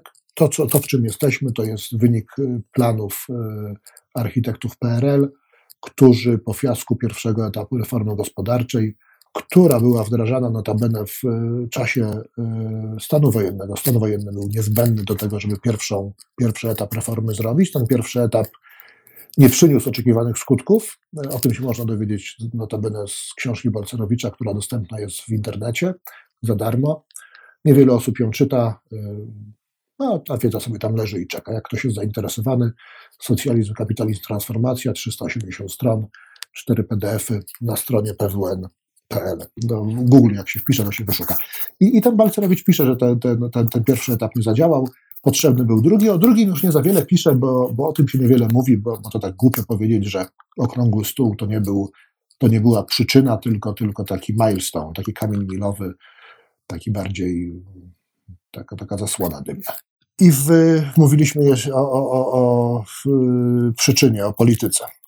No i o państwie socjalistycznym.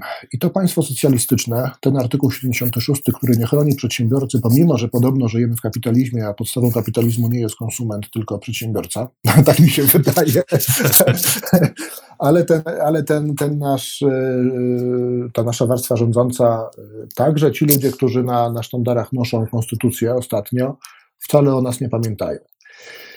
E, no i doprowadzają do tego, że troszeczkę powstaje taka sytuacja jak z Leperem, że lud bierze sprawę w swoje ręce, tak dobrze jak to potrafi. E, no i szkoda, jest źle, bo, bo państwo powinno zagwarantować nam spokój. Spłata długu jest obowiązkiem każdego z nas. E, nie jest to toczenie sporów w sądzie. Nie powinniśmy się tym zajmować. Spór sądowy jest sytuacją skrajną. Wielka szkoda, że państwo do tego doprowadziło. Yy, ja staram się zrozumieć, yy, dlaczego tak się stało. Za chwileczkę spróbuję do tego dojść. Yy, wróćmy jeszcze do roku 2005 i, i, i też w kontekście Twojego postrzegania rzeczywistości i Twojej dziedziny. Możemy, jak mogę spytać tym razem Ciebie, kryzys w Stanach Zjednoczonych, wielkie banki uciekają z kapitałem z Ameryki, która się wali. Mhm.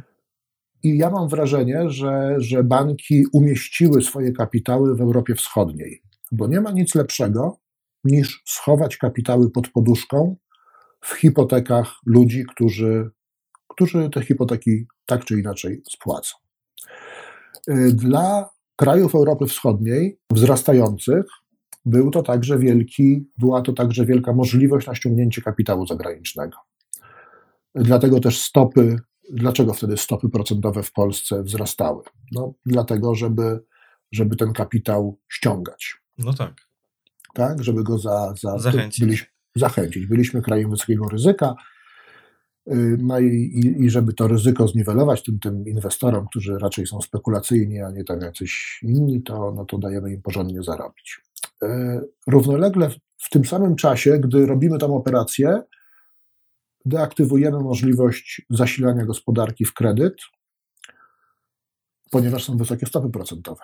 Nikt nie, nikt nie zaciągnie kredytu, nikt nie mhm. zaciągnie zobowiązania wieloletniego yy, na mieszkanie, gdy oprocentowanie jest 20% albo 10%. Po prostu jest to niemożliwe. I tutaj już sobie yy, architekci, yy, architekci, ekonomiści i inni planiści kompletnie nie poradzili, bo bo chyba powinni sobie poradzić inaczej.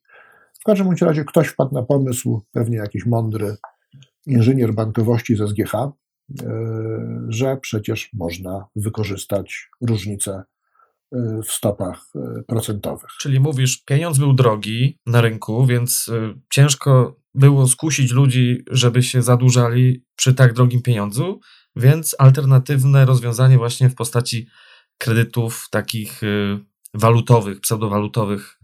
Ta, ta, taka jest teza. Tak, bardzo możliwe, taka jest teza i, no, i to nawet no, tak, jest teza, tak? Którą, którą y, prawdopodobnie mogę przez długi czas motywować. Ja bym się także nie zdziwił, gdyby ta operacja nie była tak naprawdę wspomagana przez zewnętrznych architektów, finansistów, którzy, y, no, którzy po, po prostu takie rzeczy robią. Y, tam gdzieś tam na rynku światowym. Tak? Mogli doradzić, y, nawet do, do, wyobrażam sobie, że dostarczyli kompletny know-how, jak, jak powodować przepływy kapitału przez giełdę, przez coś, przez, przez gospodarstwa domowe. Banki zabezpieczają się słopami.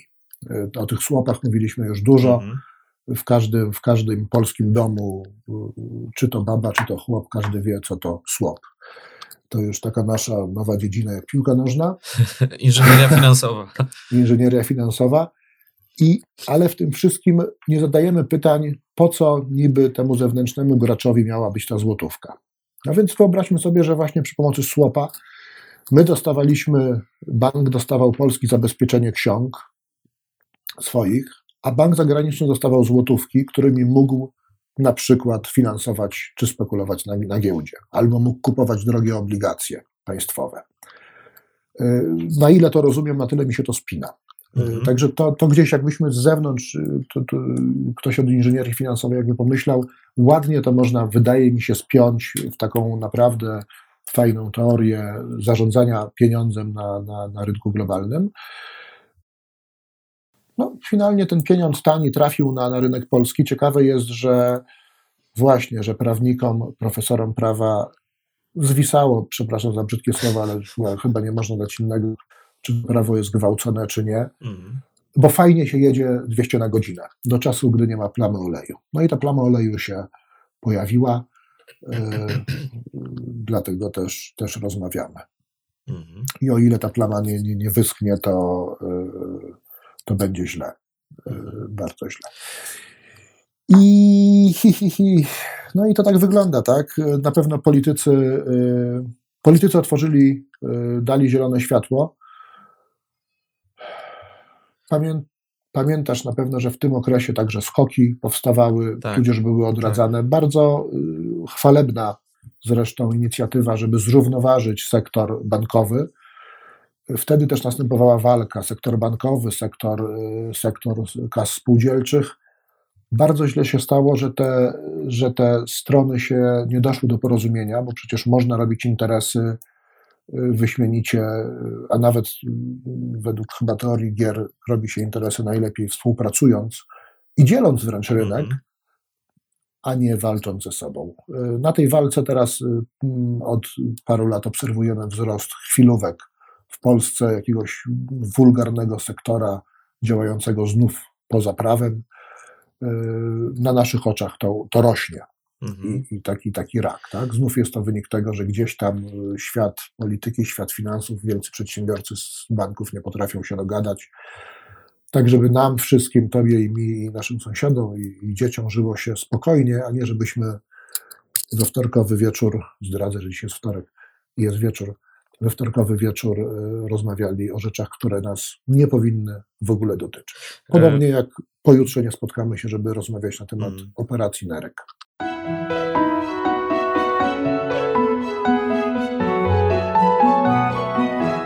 Ryszard, tak żeby jeszcze spiąć ten temat roli państwa e, w miarę szybko, jakbyś mógł powiedzieć, jak się zapatrujesz na e, próby państwa, żeby tutaj ustawowo jakoś ten temat ugryźć. E, No, różne tutaj pomysły się pojawiają. Tutaj była też inicjatywa na początku pana prezydenta. e, Teraz e, powoli rządzący też się do tego chcą włączyć. Jak na to ty wszystko się zapatrujesz? A ja może tak jeszcze zapytam, czy jest w ogóle możliwość, żeby wstecznie jako naprawić umowy ustawą? Nie. Tych umów nie można zgodnie z prawem naprawić ustawą, ponieważ prawo nie działa wstecz. Mhm.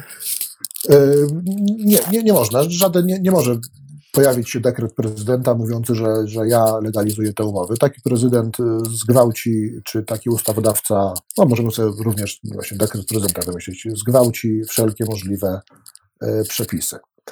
Nie tyle przepisy za podstawy prawa europejskiego i fundamenty, na których istniejemy. Nie można powiedzieć, że nielegalna umowa jest legalna. Nie, troszeczkę tam czytałem o tym, mam wrażenie, że ani razu w życiu nie spotkałem takiego, takiej, takiej możliwości. E, To byłby koniec e, państwa prawa, złamanie konstytucji i wszelkich zasad, a także zasad wolnego rynku, e, ponieważ przedsiębiorca, i to jest piękna cecha wolnego rynku, że przedsiębiorca może naginać prawo, ale Mhm. musi ponosić konsekwencje. Mhm. No tak. Tak? Ja, ja nawet w ramach naszych tam raz przemyśleń, yy, chyba na jakieś hasło skandujące gdzieś tam na ulicy, w, zaproponowałem hasło nie ma wolności bez odpowiedzialności. Mhm. Tak, to wtedy jest anarchia. Nie możemy żyć w anarchii. Tak więc y, tych, tych umów nie można y, ustawą za, za, za, zalegalizować. Y, To, co można zrobić, to y, i to próbuje chyba rząd zrobić, żeby dobrowolnie je wygasić. Można chyba tu zastosować nowacje, czyli dobrowolnie, tylko to musi być dobrowolne. Wygaszamy tam umowę i w to miejsce w, w inne zobowiązanie y, defi- definiujemy. Powiem, że banki to robią nielegalnie w momencie podpisywania aneksów. Próbują, tam jest takie coś jak uznanie długu. Y, To też powiem, że któryś z sędziów podpowiedział w trakcie ogłoszenia wyroku, że jak ktoś taki aneks podpisał, że miał złotówki, a nagle wpisuje, że tam winien jest 100 tysięcy franków, to on powinien złożyć natychmiast w banku informację o błędzie oświadczenia woli. On to podpisał pod wpływem błędu i Mhm. na podstawie artykułu 84 KC i tam okolicznych należy złożyć coś takiego i wtedy to jest podstawa do unieważnienia aneksu. Wtedy jak to trafi do sądu, to sąd spojrzy, aha, no tak, racja. A Mhm. tak to sąd w jakiejś tam sprawie powiedział, no tak, ale podpisaliście, a nie złożyliście oświadczenia i też zaznaczy, że to jest wina prawnika. Bo prawnik powinien jego za obowiązkiem yy, z warsztatu wynikającym jest poinformowanie właśnie o konieczności złożenia takiego oświadczenia. Czyli to odpada. Y, To, co próbowały robić, y, to, co próbowały robić y, instytucje, kancelaria prezydenta, w wielu przypadkach nam się nie podobało. Mi też się nie podobało. Do momentu, gdy już nie pamiętam której propozycji, no jest ślad na moim blogu, gdy jej nie przeanalizowałem i stwierdziłem, że, że jest uczciwa. I to był też taki moment w moim, e, w moim e, mm, pojmowaniu tej całej sytuacji, gdy no, sięgnąłem trochę po pokłady pokory i, i, i, i, jak, zrezygnowałem z jakiegoś tam obszaru emocji, zacząłem Mhm. zastanawiać się racjonalnie i uczciwie, co z tym fantem zrobić. Więc chyba ostatnia propozycja była uczciwa. Y, Niefortunna propozycja albo deklaracja prezydenta w trakcie kampanii wyborczej no, była niefortunna. On niestety działał pod wpływem y, błędu, bo pod wpływem y, też niestety naszych aktywistów, którzy mają bardzo roszczeniowe nastawienie, to zostanę już kompletnie znienawidzony, gdy to puścisz w eter.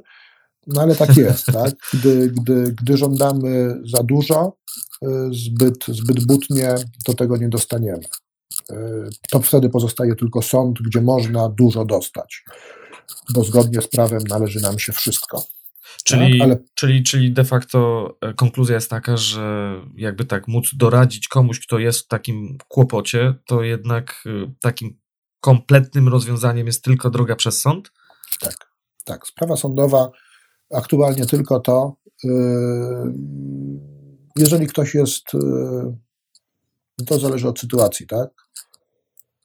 Y, Prawdopodobnie, jeżeli ktoś jest pośrodku, to sugeruje pewnie poczekać, ale jeżeli ktoś jest zdesperowany i nie ma wyjścia, y, to, to sprawa sądowa.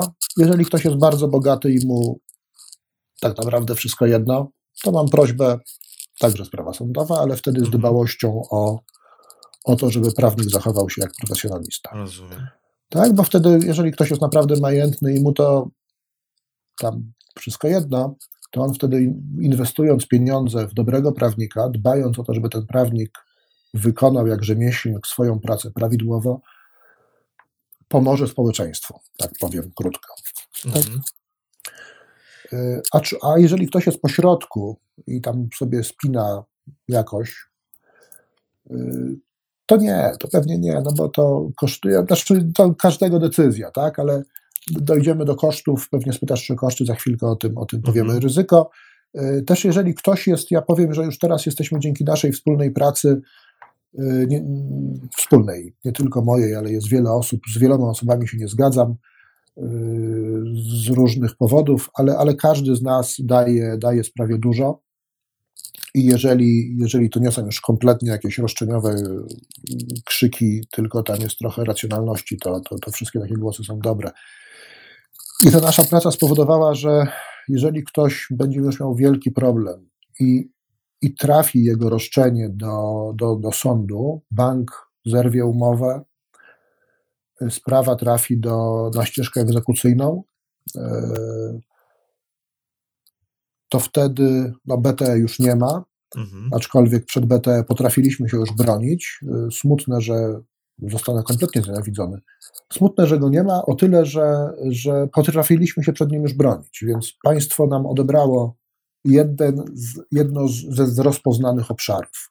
No, Pojawiło się na rynku dużo, dużo przedsiębiorstw antywindykacyjnych, które doskonale wiedziały, jak sobie z tym cholernym bankiem obronić, poradzić. Jeżeli ktoś upadał i wiedział, że dostanie to BTE, no a wiedział, no jeżeli ktoś, ktoś tam ban- bankrutuje, no to no, musi postępować nieracjonalnie, jeżeli powie, że nie wie, ale jeżeli jest przygotowany, a do takiej walki trzeba się przygotować, to wtedy był w stanie się obronić. Tak samo teraz Mhm. przy postępowaniu, to się nazywa chyba nakazowe. Jeżeli bank z nakazem zapłaty wystąpi, Czyli ktoś nie płaci kredytu, nie spłaca, tak? nie spłaca, Mhm. A no tak, tak bardzo, bardzo fundamentalnie, tak? A to może jeszcze się cofnę. Możemy, są dwie ścieżki, albo atak, albo obrona. Mhm. Atak, no to spłacamy, nawet wręcz spłacamy dług, ale wytaczamy proces. I równolegle płacimy sobie pieniążki, wytaczamy proces i, i, i, i, i tam trzeba płacić chyba wtedy z zastrzeżeniem y, zwrotu. To już Rozumiem. prawnik Mhm. podpowie. Mhm. Tak? Bo wtedy mówimy, że to są nienależne świadczenia, bo ta umowa jest taka czy inna. No ale teraz z drugiej strony można zrobić inaczej.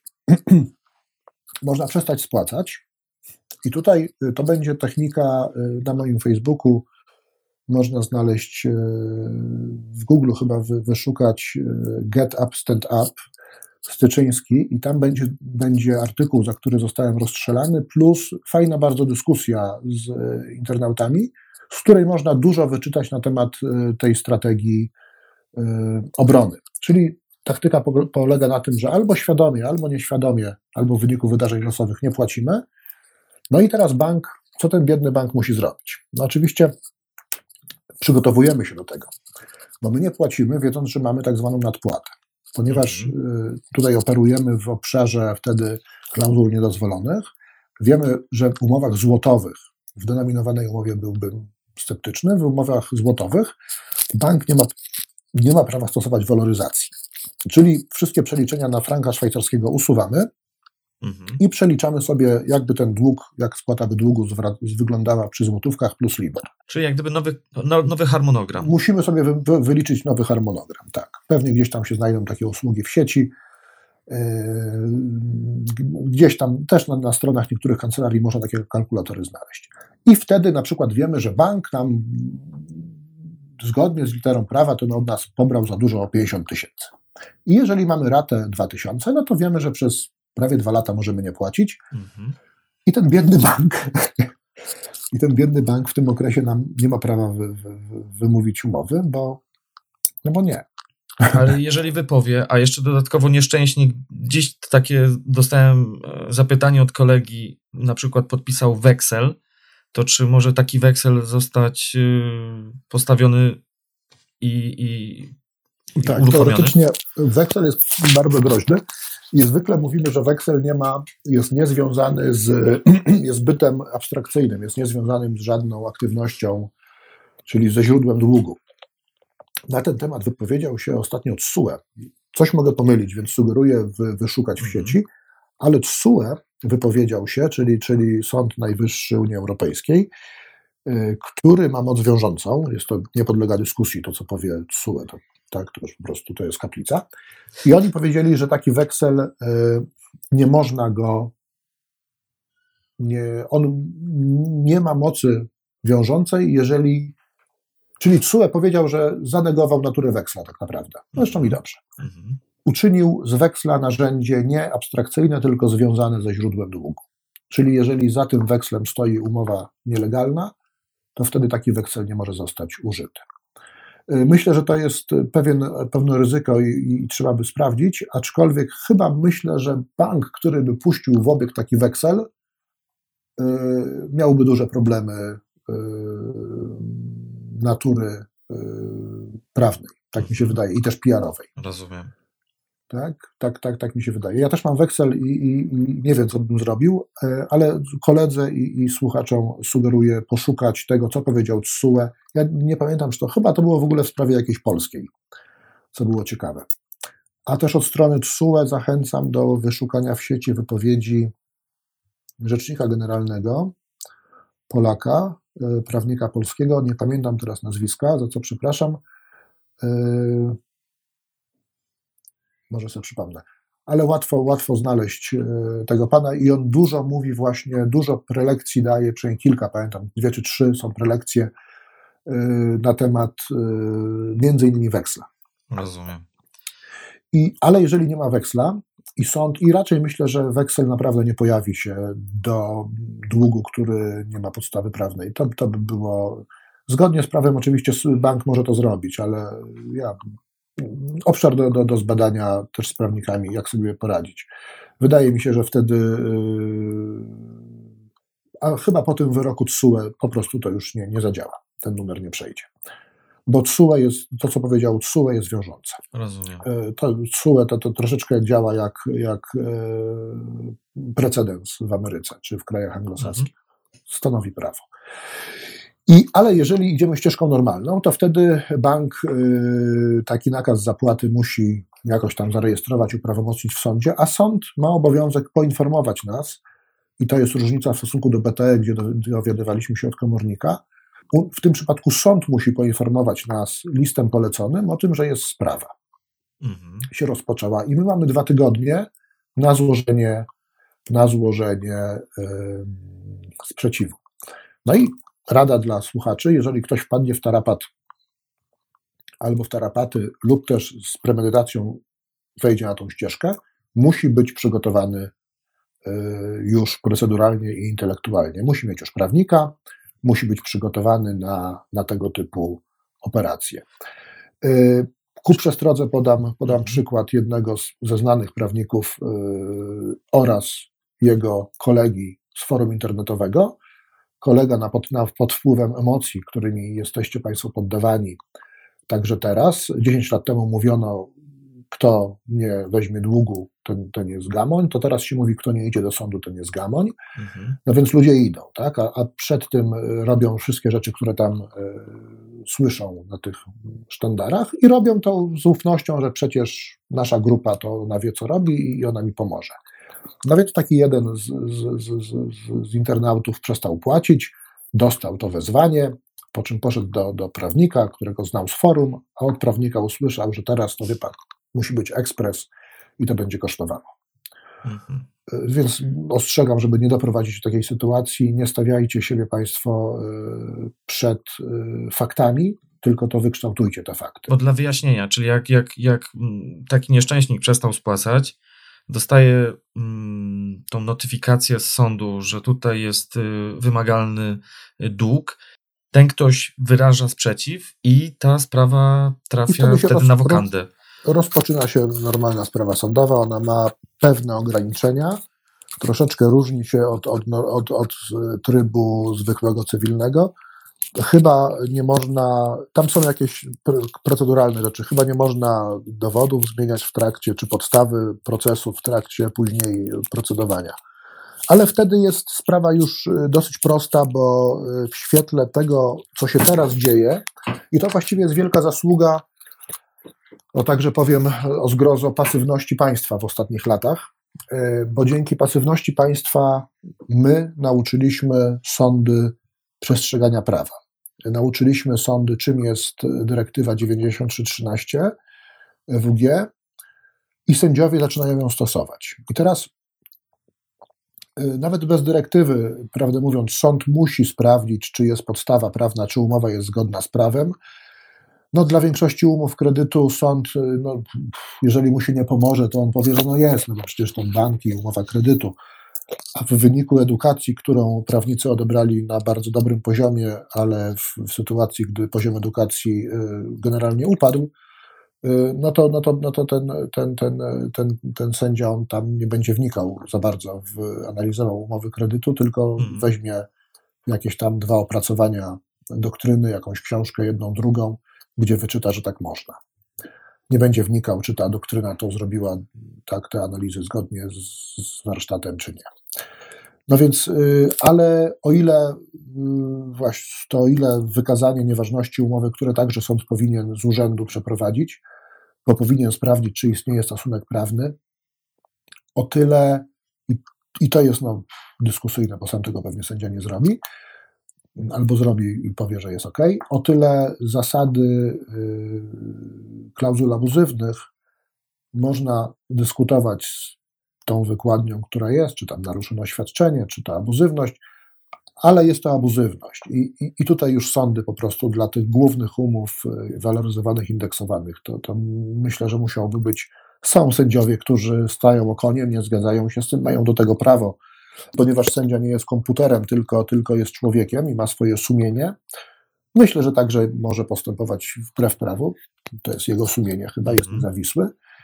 Y, ale nawet jeżeli w pierwszej instancji byłaby katastrofa, to w drugiej instancji, czy później w Sądzie Najwyższym, tylko tam chyba powyżej 50 tysięcy, ale to wtedy jak bank z roszczeniem wychodzi, to to jest 50 tysięcy, to, to, to, to taka umowa zostanie, taki nakaz zapłaty zostanie odrzucony, bo teraz właśnie też należy zadać pytanie, to nawet jeden z głównych takich liderów medialnych, prawnik, prawnik w swojej prelekcji na YouTube powiedział, że wyrok sądu wynika z treści uzasadnienia. No, zgodnie z prawem, wyrok sądu i to, co jest, mm, to się nazywa powaga rzeczy osądzonej. Tutaj też wielki błąd, że doktryna nawet tak prostą rzecz jak wyrok sądu y, sprostytuowała, powiem brzydko, y, ponieważ zgodnie z przepisami prawa to, co sąd powiedział, tak naprawdę, co, ma, co jest jego ostatnim zdaniem, to się znajduje w sentencji wyroku. To jest ta część na górze wyroku. Czyli na przykład w sentencji wyroku będzie nakaz zapłaty jest odrzucony. Kropka. Mhm. Tak? Wtedy bank musi te wszystkie swoje papiery zabrać, i, ale w uzasadnieniu sąd pozwolił sobie na analizę tam prawną, powiedział, że umowa jest nielegalna i tak dalej. No i teraz prawnik nie ma, moim zdaniem nie ma, nie ma prawa mówić, że wygrał sprawę, mówiąc, że umowa jest nielegalna. Hmm. Ponieważ nie, nie, nie jest to powaga rzeczy osądzonej. Jeżeli pójdzie z tym do komornika, komornik powie, panie, no ale w sentencji jest tylko napisane, że nie ma nakazu zapłaty, tak? To co mi pan tutaj? Ja nic od banku nie będę odbierał, bo nie mam podstawy prawnej. I teraz, jako, jako, jako, jako taka podpowiedź dla nas, yy, to dodam, że można poprosić wtedy sąd i prawnicy to powinni zrobić o wykładnię yy, wyroku. I prawnik powinien zgodnie z prawem wystąpić do sądu o wykładnię wyroku, czyli poprosić o wyjaśnienie. Tam już nie wiem, jak się to robi dokładnie, ale jest na to jakiś przepis. I prawdopodobnie wtedy można tego sądu spytać literalnie, Wysoki, wysoki Sądzie, czy, czy, czy, czy, czy w ramach wyjaśnienia wyroku to ja mogę poprosić o spytanie, czy ta umowa jest, czy, czy sąd chciał wyrazić w sentencji wyroku, że umowa jest y, nie, nie, nie, nieistniejąca, na przykład. Mhm. Tak? I dopiero z czymś takim, mając czarno na białym w sentencji wyroku, a nie gdzieś w uzasadnieniu, bo uzasadnienie czasem będzie miało 10 stron, a mamy jeden wyrok, yy, ja go na, na blogu próbowałem umieścić, ale chyba mi nie wyszło, bo był za długi, miał 200 stron. Wow. Uzasadnienie wyroku miało 200 stron, ponieważ sędzia był na tyle uczciwy, że wziął argumenty obu stron, prawnik jednej strony przyniósł 100 stron, drugiej strony 100 stron, sędzia wziął te argumenty i właściwie to powinien zrobić sędzia, bo w polskim systemie prawa sędzia powinien zważyć argumenty stron. Mhm. Plus jeszcze przed y, sprawdzić, czy istnieje stosunek prawny, zaaplikować prawo ochrony konsumenta, a później tylko i wyłącznie zważyć argumenty stron. O czym to świadczy? Świadczy to o tym, że jeżeli nasz prawnik pójdzie do sądu z, z nie, postaram się być delikatny, z nieodpowiednimi argumentami, to później nie możemy na sądzie Yy, nie możemy narzekać, że sąd orzekł na korzyść banku, mhm. ponieważ prawnik poszedł argumentami błędnymi, a zgodnie z prawem yy, z, yy, sąd nie może orzekać ponad, tam chyba się to nazywa wymogi stron, czy jakoś tam. Sąd nie może swoich argumentów włączać do, do rozprawy. To rozprawa sądowa jest dyskusją, sporem dwóch prawników, dwóch stron, a sędzia, ojej, nazywa się w sumie sędzią, tak? to jak w, pił, jak w piłce nożnej. No, sędzia nie może wziąć piłki od Lewandowskiego i strzelić drugiej tam stronie, bo ich lubi. Albo, albo się podoba ich styl gry. No nie może. Tak samo jest w, w trakcie sporu sądowego. Rozumiem.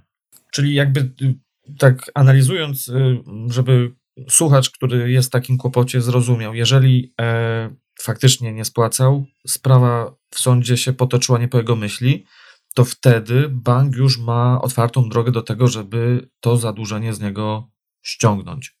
Tak. Znaczy Aczkolwiek to jest czysto hipotetyczne, bo z tego, co powiedziałeś, to jest to mało prawdopodobny scenariusz.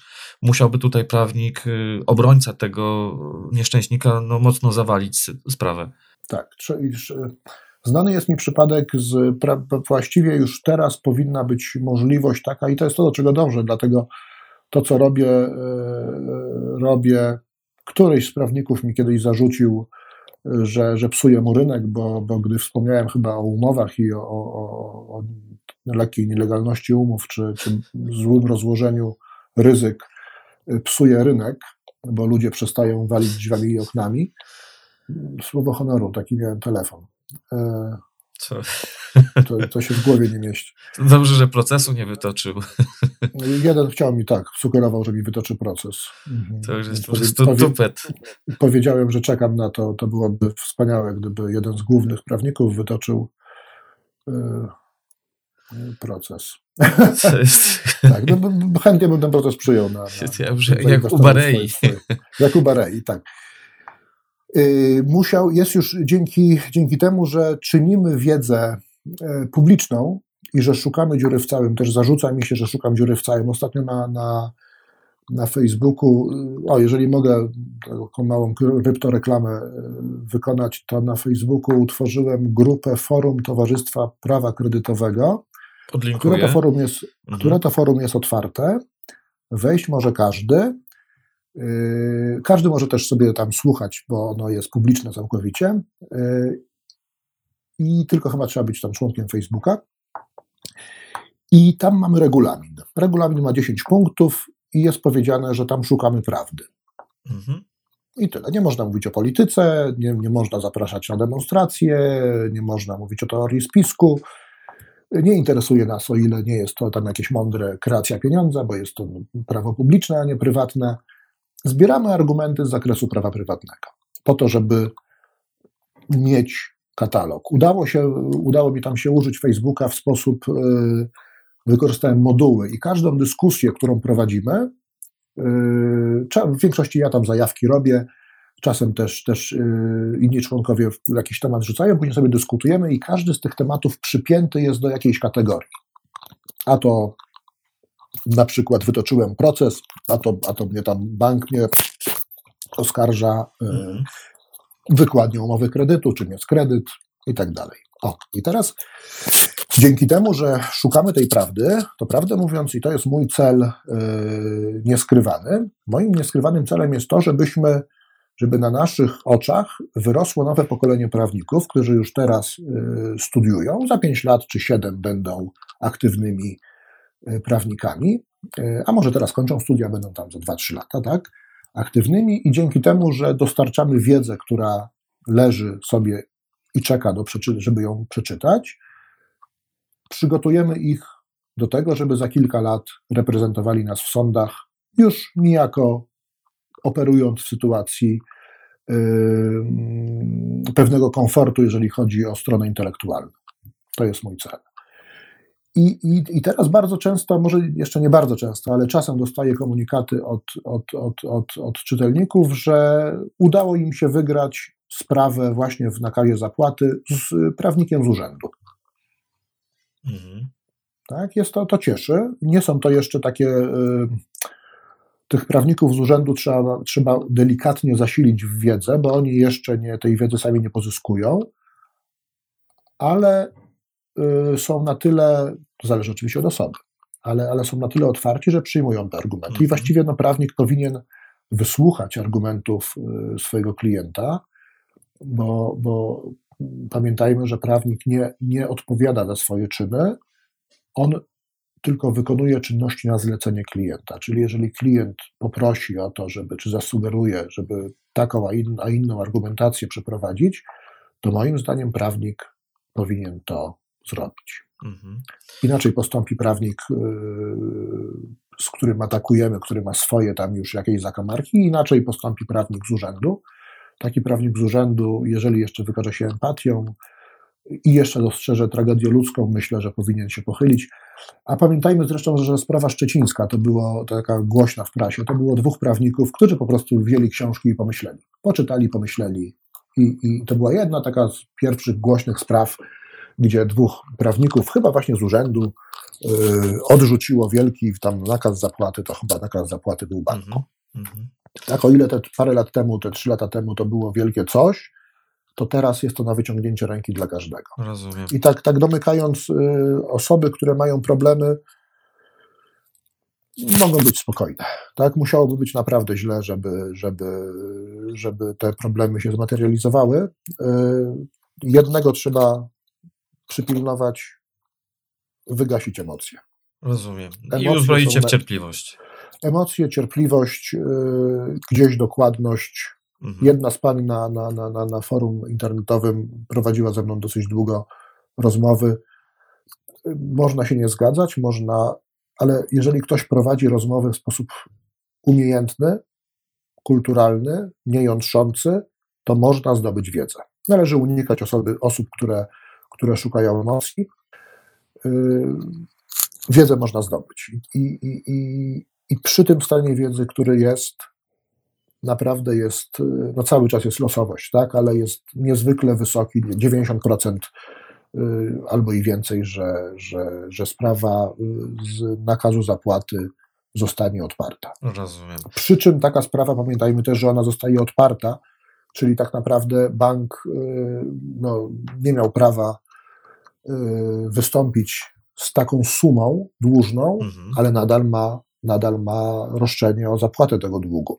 I teraz mądry bank, co powinien zrobić? W drugim ruchu pójdzie, odejmie wszystkie y, opłaty nienależne wynikające z y, klauzul abuzywnych i zażąda od nas sum, łącznie z odsetkami. Y, Czyli to nie jest tak kolorowo, że, że nie mamy problemów. Mamy je nadal, tak? Ale może w wyniku teorii salda, y, tudzież tego, co, co już zapłaciliśmy bankowi, to się zrówna. Tak? Więc może, może tak Mhm. być, że, że wtedy sąd powie, że albo trzeba sprawdzić, y, co się dzieje, gdy. Chociaż no, nie wiem, co wtedy się dzieje. Tak, to Rozumiem, że to jest jeszcze teren nierozpoznany. znaczy, ch- chyba jest rozpoznany, ale, ale proszę się, y, proszę pamiętać, że odrzucenie nakazu zapłaty, o ile w sentencji wyroku nie jest napisane, że umowa jest nieważna, jest tylko odrzuceniem nakazu zapłaty. Mhm. Tego- Jeżeli, je- jeżeli sąd nie napisze w sentencji, umowa jest nieważna, czy, czy umowa zawiera klauzule abuzywne i tam z tego powodu to coś, to wtedy trzeba poprosić sąd o wykładnię, żeby tak było wszystko tip-top, to trzeba Jasne. poprosić sąd o wykładnię wyroku i żeby tam to się znalazło. Jasne. Tak? Super. Wielkie dzięki, Ryszard, za e, poświęcony czas. Rozmawiamy już niemal trzy godziny. Zanim jeszcze zakończymy, chciałem zapytać, czy jest coś, co, czym chciałbyś zamknąć e, e, ten wywiad, bo w sumie łącznie, jak tak liczę, to będzie e, prawie 6 godzin materiału, jak połączymy te dwa wywiady. Czy jest coś, co chciałbyś jeszcze powiedzieć, tak, zanim zamkniemy już całkowicie klamrę w tym wywiadzie? Chyba udało nam się skończyć, tak? To, to, Mhm. to gratuluję. To ja, ja dziękuję przede wszystkim. Ja, ja byłem słuchaczem przede wszystkim. Gratuluję słuchaczom, którzy dobrnęli. Ja po, po, po naszej pierwszym wywiadzie też odebrałem kilka pochlebnych, pochlebnych opinii. Bardzo się cieszę. Ja do nas wszystkich taki może apel też noworoczny bym złożył. Pamiętajmy, że to, co robimy teraz, wywiera wpływ na to, co będzie jutro. I, I ja w którymś momencie sam sobie powiedziałem, że to, co robię, a inwestuję w to bardzo dużo czasu, przynosi to owoce, co cieszy, ale to, co robimy, robimy dla naszych dzieci. Robimy dla następnych pokoleń. Jeżeli teraz tylko i wyłącznie będziemy patrzyli na mamonę, na swój koniec nosa, to nie osiągniemy wiele. Osiągniemy tylko mamonę i, i, i trochę tam, nie wiem, tak. No, pieniądz jest, jest tylko pieniądzem. Wydamy go za chwilę. I sytuacja powtórzy się, gdy, gdy nasze dzieci udadzą się do banku po taki sam kredyt. A tak się stanie. Byłbym dumny, gdyby udało nam się na tyle opanować nasze zapędy, y, społecznikom zapędy polityczne, y, prawnikom zapędy finansowe, mm, aktywistom swoje nerwy i gdybyśmy wszyscy starali się pamiętać, że kształtujemy rzeczywistość. Wyroki sądowe, pomimo że w Polsce nie ma prawa precedensu, tudzież zasady precedensu, tylko opieramy się tylko i wyłącznie na ustawie, to niestety, ale wyroki sądowe kształtują, w jaki sposób ustawa jest odczytywana. Tak więc, jeżeli strony w sądzie stosują argumenty działające, ale wyciągnięte z kapelusza, to gdy nasze dzieci pójdą po umowy zapożyczyć się na lat 20, może 15, a może nie daj Boże znów 30, to będą znajdowały się w tej samej sytuacji prawnej jak teraz, czyli na wielkiej bombie. Mam wielką prośbę, żebyśmy wszyscy starali się odnajdywać prawdę, jaka by ona nie była. Yy, ja zwykłem mówić, że jeżeli te kontrakty zaciągnęliśmy zgodnie z prawem, trudno, musimy je spłacić. Yy, to było takie bardzo idealistyczne. Realistycznie powiem, że te umowy są w 99% niezgodne z prawem, więc się nie, nie, nie musimy obawiać. I każdy, kto, każdy, kto wpadnie w tarapaty, yy, ma olbrzymie prawdopodobieństwo wydostania się z nich. I żeby to zrobić, nie musimy zachowywać się niegodnie. Troszeczkę to można porównać albo porównać do, do, do okresu wojny, która się zakończyła, i po, po wojnie musimy umieć spojrzeć w lustro, musimy umieć spojrzeć na to, co zrobiliśmy i powiedzieć, że zachowaliśmy się jak ludzie, a nie, a nie jak e, osoby chwytające okazję. Y, gorzko optymistyczny apel, ale myślę, że tak bym podsumował nasze 6 godzin rozmowy. Myślę, że to jest taki pozytyw, jak powiedziałeś, gorzki, ale jednak pozytywny akcent na koniec tej rozmowy, bo wyobrażam sobie, że naprawdę wielu słuchających nas przeżywa takie osobiste, wręcz życiowe dramaty. I myślę, że takie słowa otuchy dla nich na pewno będą bardzo budujące. Mm, tak, wszystkim, którzy to jeszcze podkreślę, wszystkim, którzy cierpią stres, y, jeżeli są naprawdę blisko już y, granicy wytrzymałości z, finansowej, nie mówię o psychologicznej, jeżeli jest to psychologiczne, no to trzeba gdzieś tam poprosić o, szukać wsparcia psychologicznego. Y, jeżeli jest to już, już fizyczna kwestia finansów, proszę się przygotować do, do, do walki. Linia obrony jest skuteczna Myślę, że statystyka nawet mówi, że, że jeżeli rzeczywiście ktoś jest w tarapatach życiowych, to ta obrona jest, jest może nawet jest skuteczniejszą linią procedowania. Proszę się przygotować, zdobyć wiedzę, szukać, czytać. To jest tak samo jak z e, remontem mieszkania. Jeżeli Państwo nie będziecie wiedzieli, jak to mieszkanie wyremontować, jakie materiały kupić, nie poczytacie periodyków, nie zaciągniecie języka, to murarz przyjdzie i Wam zrobi nie to, co trzeba, tylko weźmie pieniążki. Tak samo jest tutaj, wszyscy są tylko ludźmi. Yy, trzeba się przygotować do tego samemu, wiedzieć, co się robi. Później trzeba znaleźć uczciwego partnera. Pomimo tego przerażającego obrazu, który narysowałem, yy, jest wielu yy, fajnych prawników na rynku. Trzeba ich tylko odnaleźć i, i, i, i wtedy spokojnie można zająć się innymi rzeczami, wrócić do, do życia. Kwestie finansowe są tylko finansowymi, y, nie jest to, nie, nie powinny one y, zanadto kształtować naszych, naszych, naszych zachowań. Super. Wielkie, wielkie dzięki Ryszard za poświęcony czas. Bardzo to doceniam. E, myślę, że naprawdę dużo, dużo materiału jest tutaj dla wielu potrzebujących i nie tylko, y, bo to jest coś, co tak naprawdę może dotyczyć nie tylko tych, którzy są zadłużeni, o czym też rozmawialiśmy. To myślę, że tym optymistycznym w sumie akcentem zakończymy już dziś. Yy, raz jeszcze bardzo dziękuję i być może jeszcze kiedyś do usłyszenia, jak będzie coś ciekawego, to, to nie mówię, że tak już definitywnie się żegnamy, być może jeszcze będzie okazja. Jeżeli przygotujesz równie interesującą listę pytań jak do tego wywiadu, to, to z przyjemnością, miałem wielką przyjemność yy, przejść przez Twoje pytania i, i, prowadzić tą rozmowę. Tym razem mam wrażenie, że udało mi się troszeczkę mniej monologów prowadzić, w co niestety wpadam, za co przepraszam wszystkich. Ale... Bardziej wy, wyglądało to jak rozmowa niż, niż, niż, niż, niż prelekcja. Ale to ja bardzo ciekawe było. Jak ja słuchałem sam pierwszego, yy, pierwszego wywiadu, to było bardzo interesujące, a przede wszystkim to, co jest najważniejsze, miałem bardzo dużo pozytywnych komentarzy i, i, i to jest tak naprawdę wyznacznik y, wartości którą tutaj nam przekazałeś. Wielkie dzięki, pozdrawiam serdecznie. Dziękuję bardzo. Do usłyszenia. Do usłyszenia.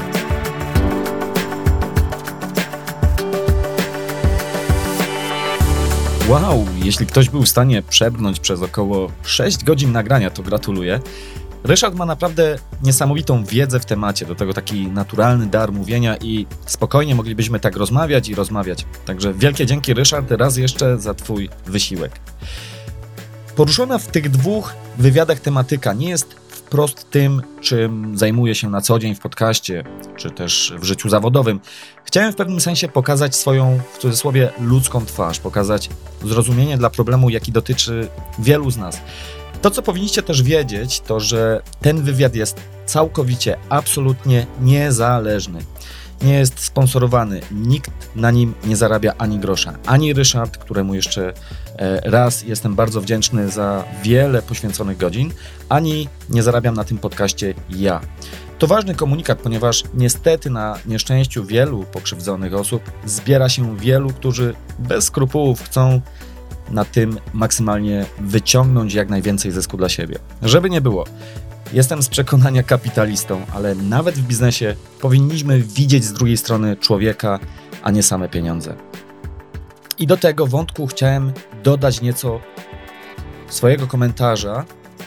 Y, chodzi mi konkretnie o kwestię współpracy z prawnikami. Temat był już poruszany z Ryszardem, ale chciałem mieć pewność, że na koniec to przesłanie dobrze wybrzmi. Otóż nie pozwólmy się, mówiąc tak zupełnie wprost, wykorzystać przez prawników. Wiem o istnieniu oferty e, pomocy prawnej w, sprawach, e, w sprawie frankowej, gdzie od klienta żąda się opłaty na poziomie, uwaga, 25 do 30% kwoty sporu. Wyobraźmy sobie kredyt w kwocie, w kwocie mm, pół miliona złotych, 500 tysięcy złotych. I Załóżmy, że chcemy tę umowę kredytową zaskarżyć do sądu. Na dzień dobry otrzymujemy ofertę od prawnika, gdzie żąda od nas kwoty e, w ramach honorarium w wysokości 100-125 tysięcy złotych. Mało tego, wysokość honorarium o zgrozo jest indeksowana do franka szwajcarskiego i liczona według e, kursu z dnia E, zapadnięcia wyroku prawomocnego. Jest to jakieś totalne kuriozum. Ktoś idzie do prawnika po pomoc, ten z kolei przed sądem udowadnia, próbuje udowodnić, że sporny kredyt nie jest walutowy, tylko złotowy, ale ten sam prawnik swoje honorarium ustanawia jako procent kredytu wyrażonego we franku szwajcarskim i przeliczanego do złotówki z datą zapadnięcia wyroku prawomocnego. Jak uzasadnić takie wysokie honorarium? E, no ja szczerze powiem, nie wiem. E, wiele umów wiem natomiast, że jest wręcz sztampowa. Rozumiem prawo popytu i podaży. Jestem za tym, by solidnie opłacać ciężką pracę, wysiłek intelektualny prawników. Ale nie, mówiąc tak też może wprost już, nie dehumanizujmy drugiej strony kontraktu. Co gorsza, oferta przedstawiona jest tak, by ta kwota się rozmydlała, żeby klient jej wprost od razu nie widział, nie widział wysokości tych kosztów. Stosuje się więc na przykład kwoty podane e, w wartościach netto, a więc bez VAT-u. E, honorarium rozbite jest jak zwykle, to bywa przy takich sytuacjach na wiele składowych, ale nigdy nie jest podana choćby przybliżona całkowita kwota obsługi prawnej. Wszystko jest zrobione tak, by nie pokazać jasno, ile kosztów Was może taka batalia w sądzie kosztować. Także bądźcie ostrożni, żeby w miejsce, i znów tu użyję mocnego słowa, jednej patologii, jaką e, wprowadziły banki, czyli żeby w miejsce takiej jednej patologii, zwalczanej właśnie przez nas przed sądem, nie wpadnąć w objęcia drugiej patologii, która zdaje się po prostu wyrastać na naszych oczach. Okej. Okay. To już tym razem serio wszystko ode mnie. Na koniec zapraszam na stronę systemtrader.pl łamane przez 022, gdzie znajdziecie materiały uzupełniające do tego odcinka. Mm, mam też prośbę do Ciebie, jeśli uznasz, że ten materiał Ci pomógł i znasz kogoś, komu również może okazać się pomocny, będę wdzięczny, jeśli mu go polecisz. Tymczasem życzę wszystkiego dobrego, mimo wszystko pozytywnego myślenia i dzięki za spędzenie czasu z Ryszardem i ze mną. Bye bye.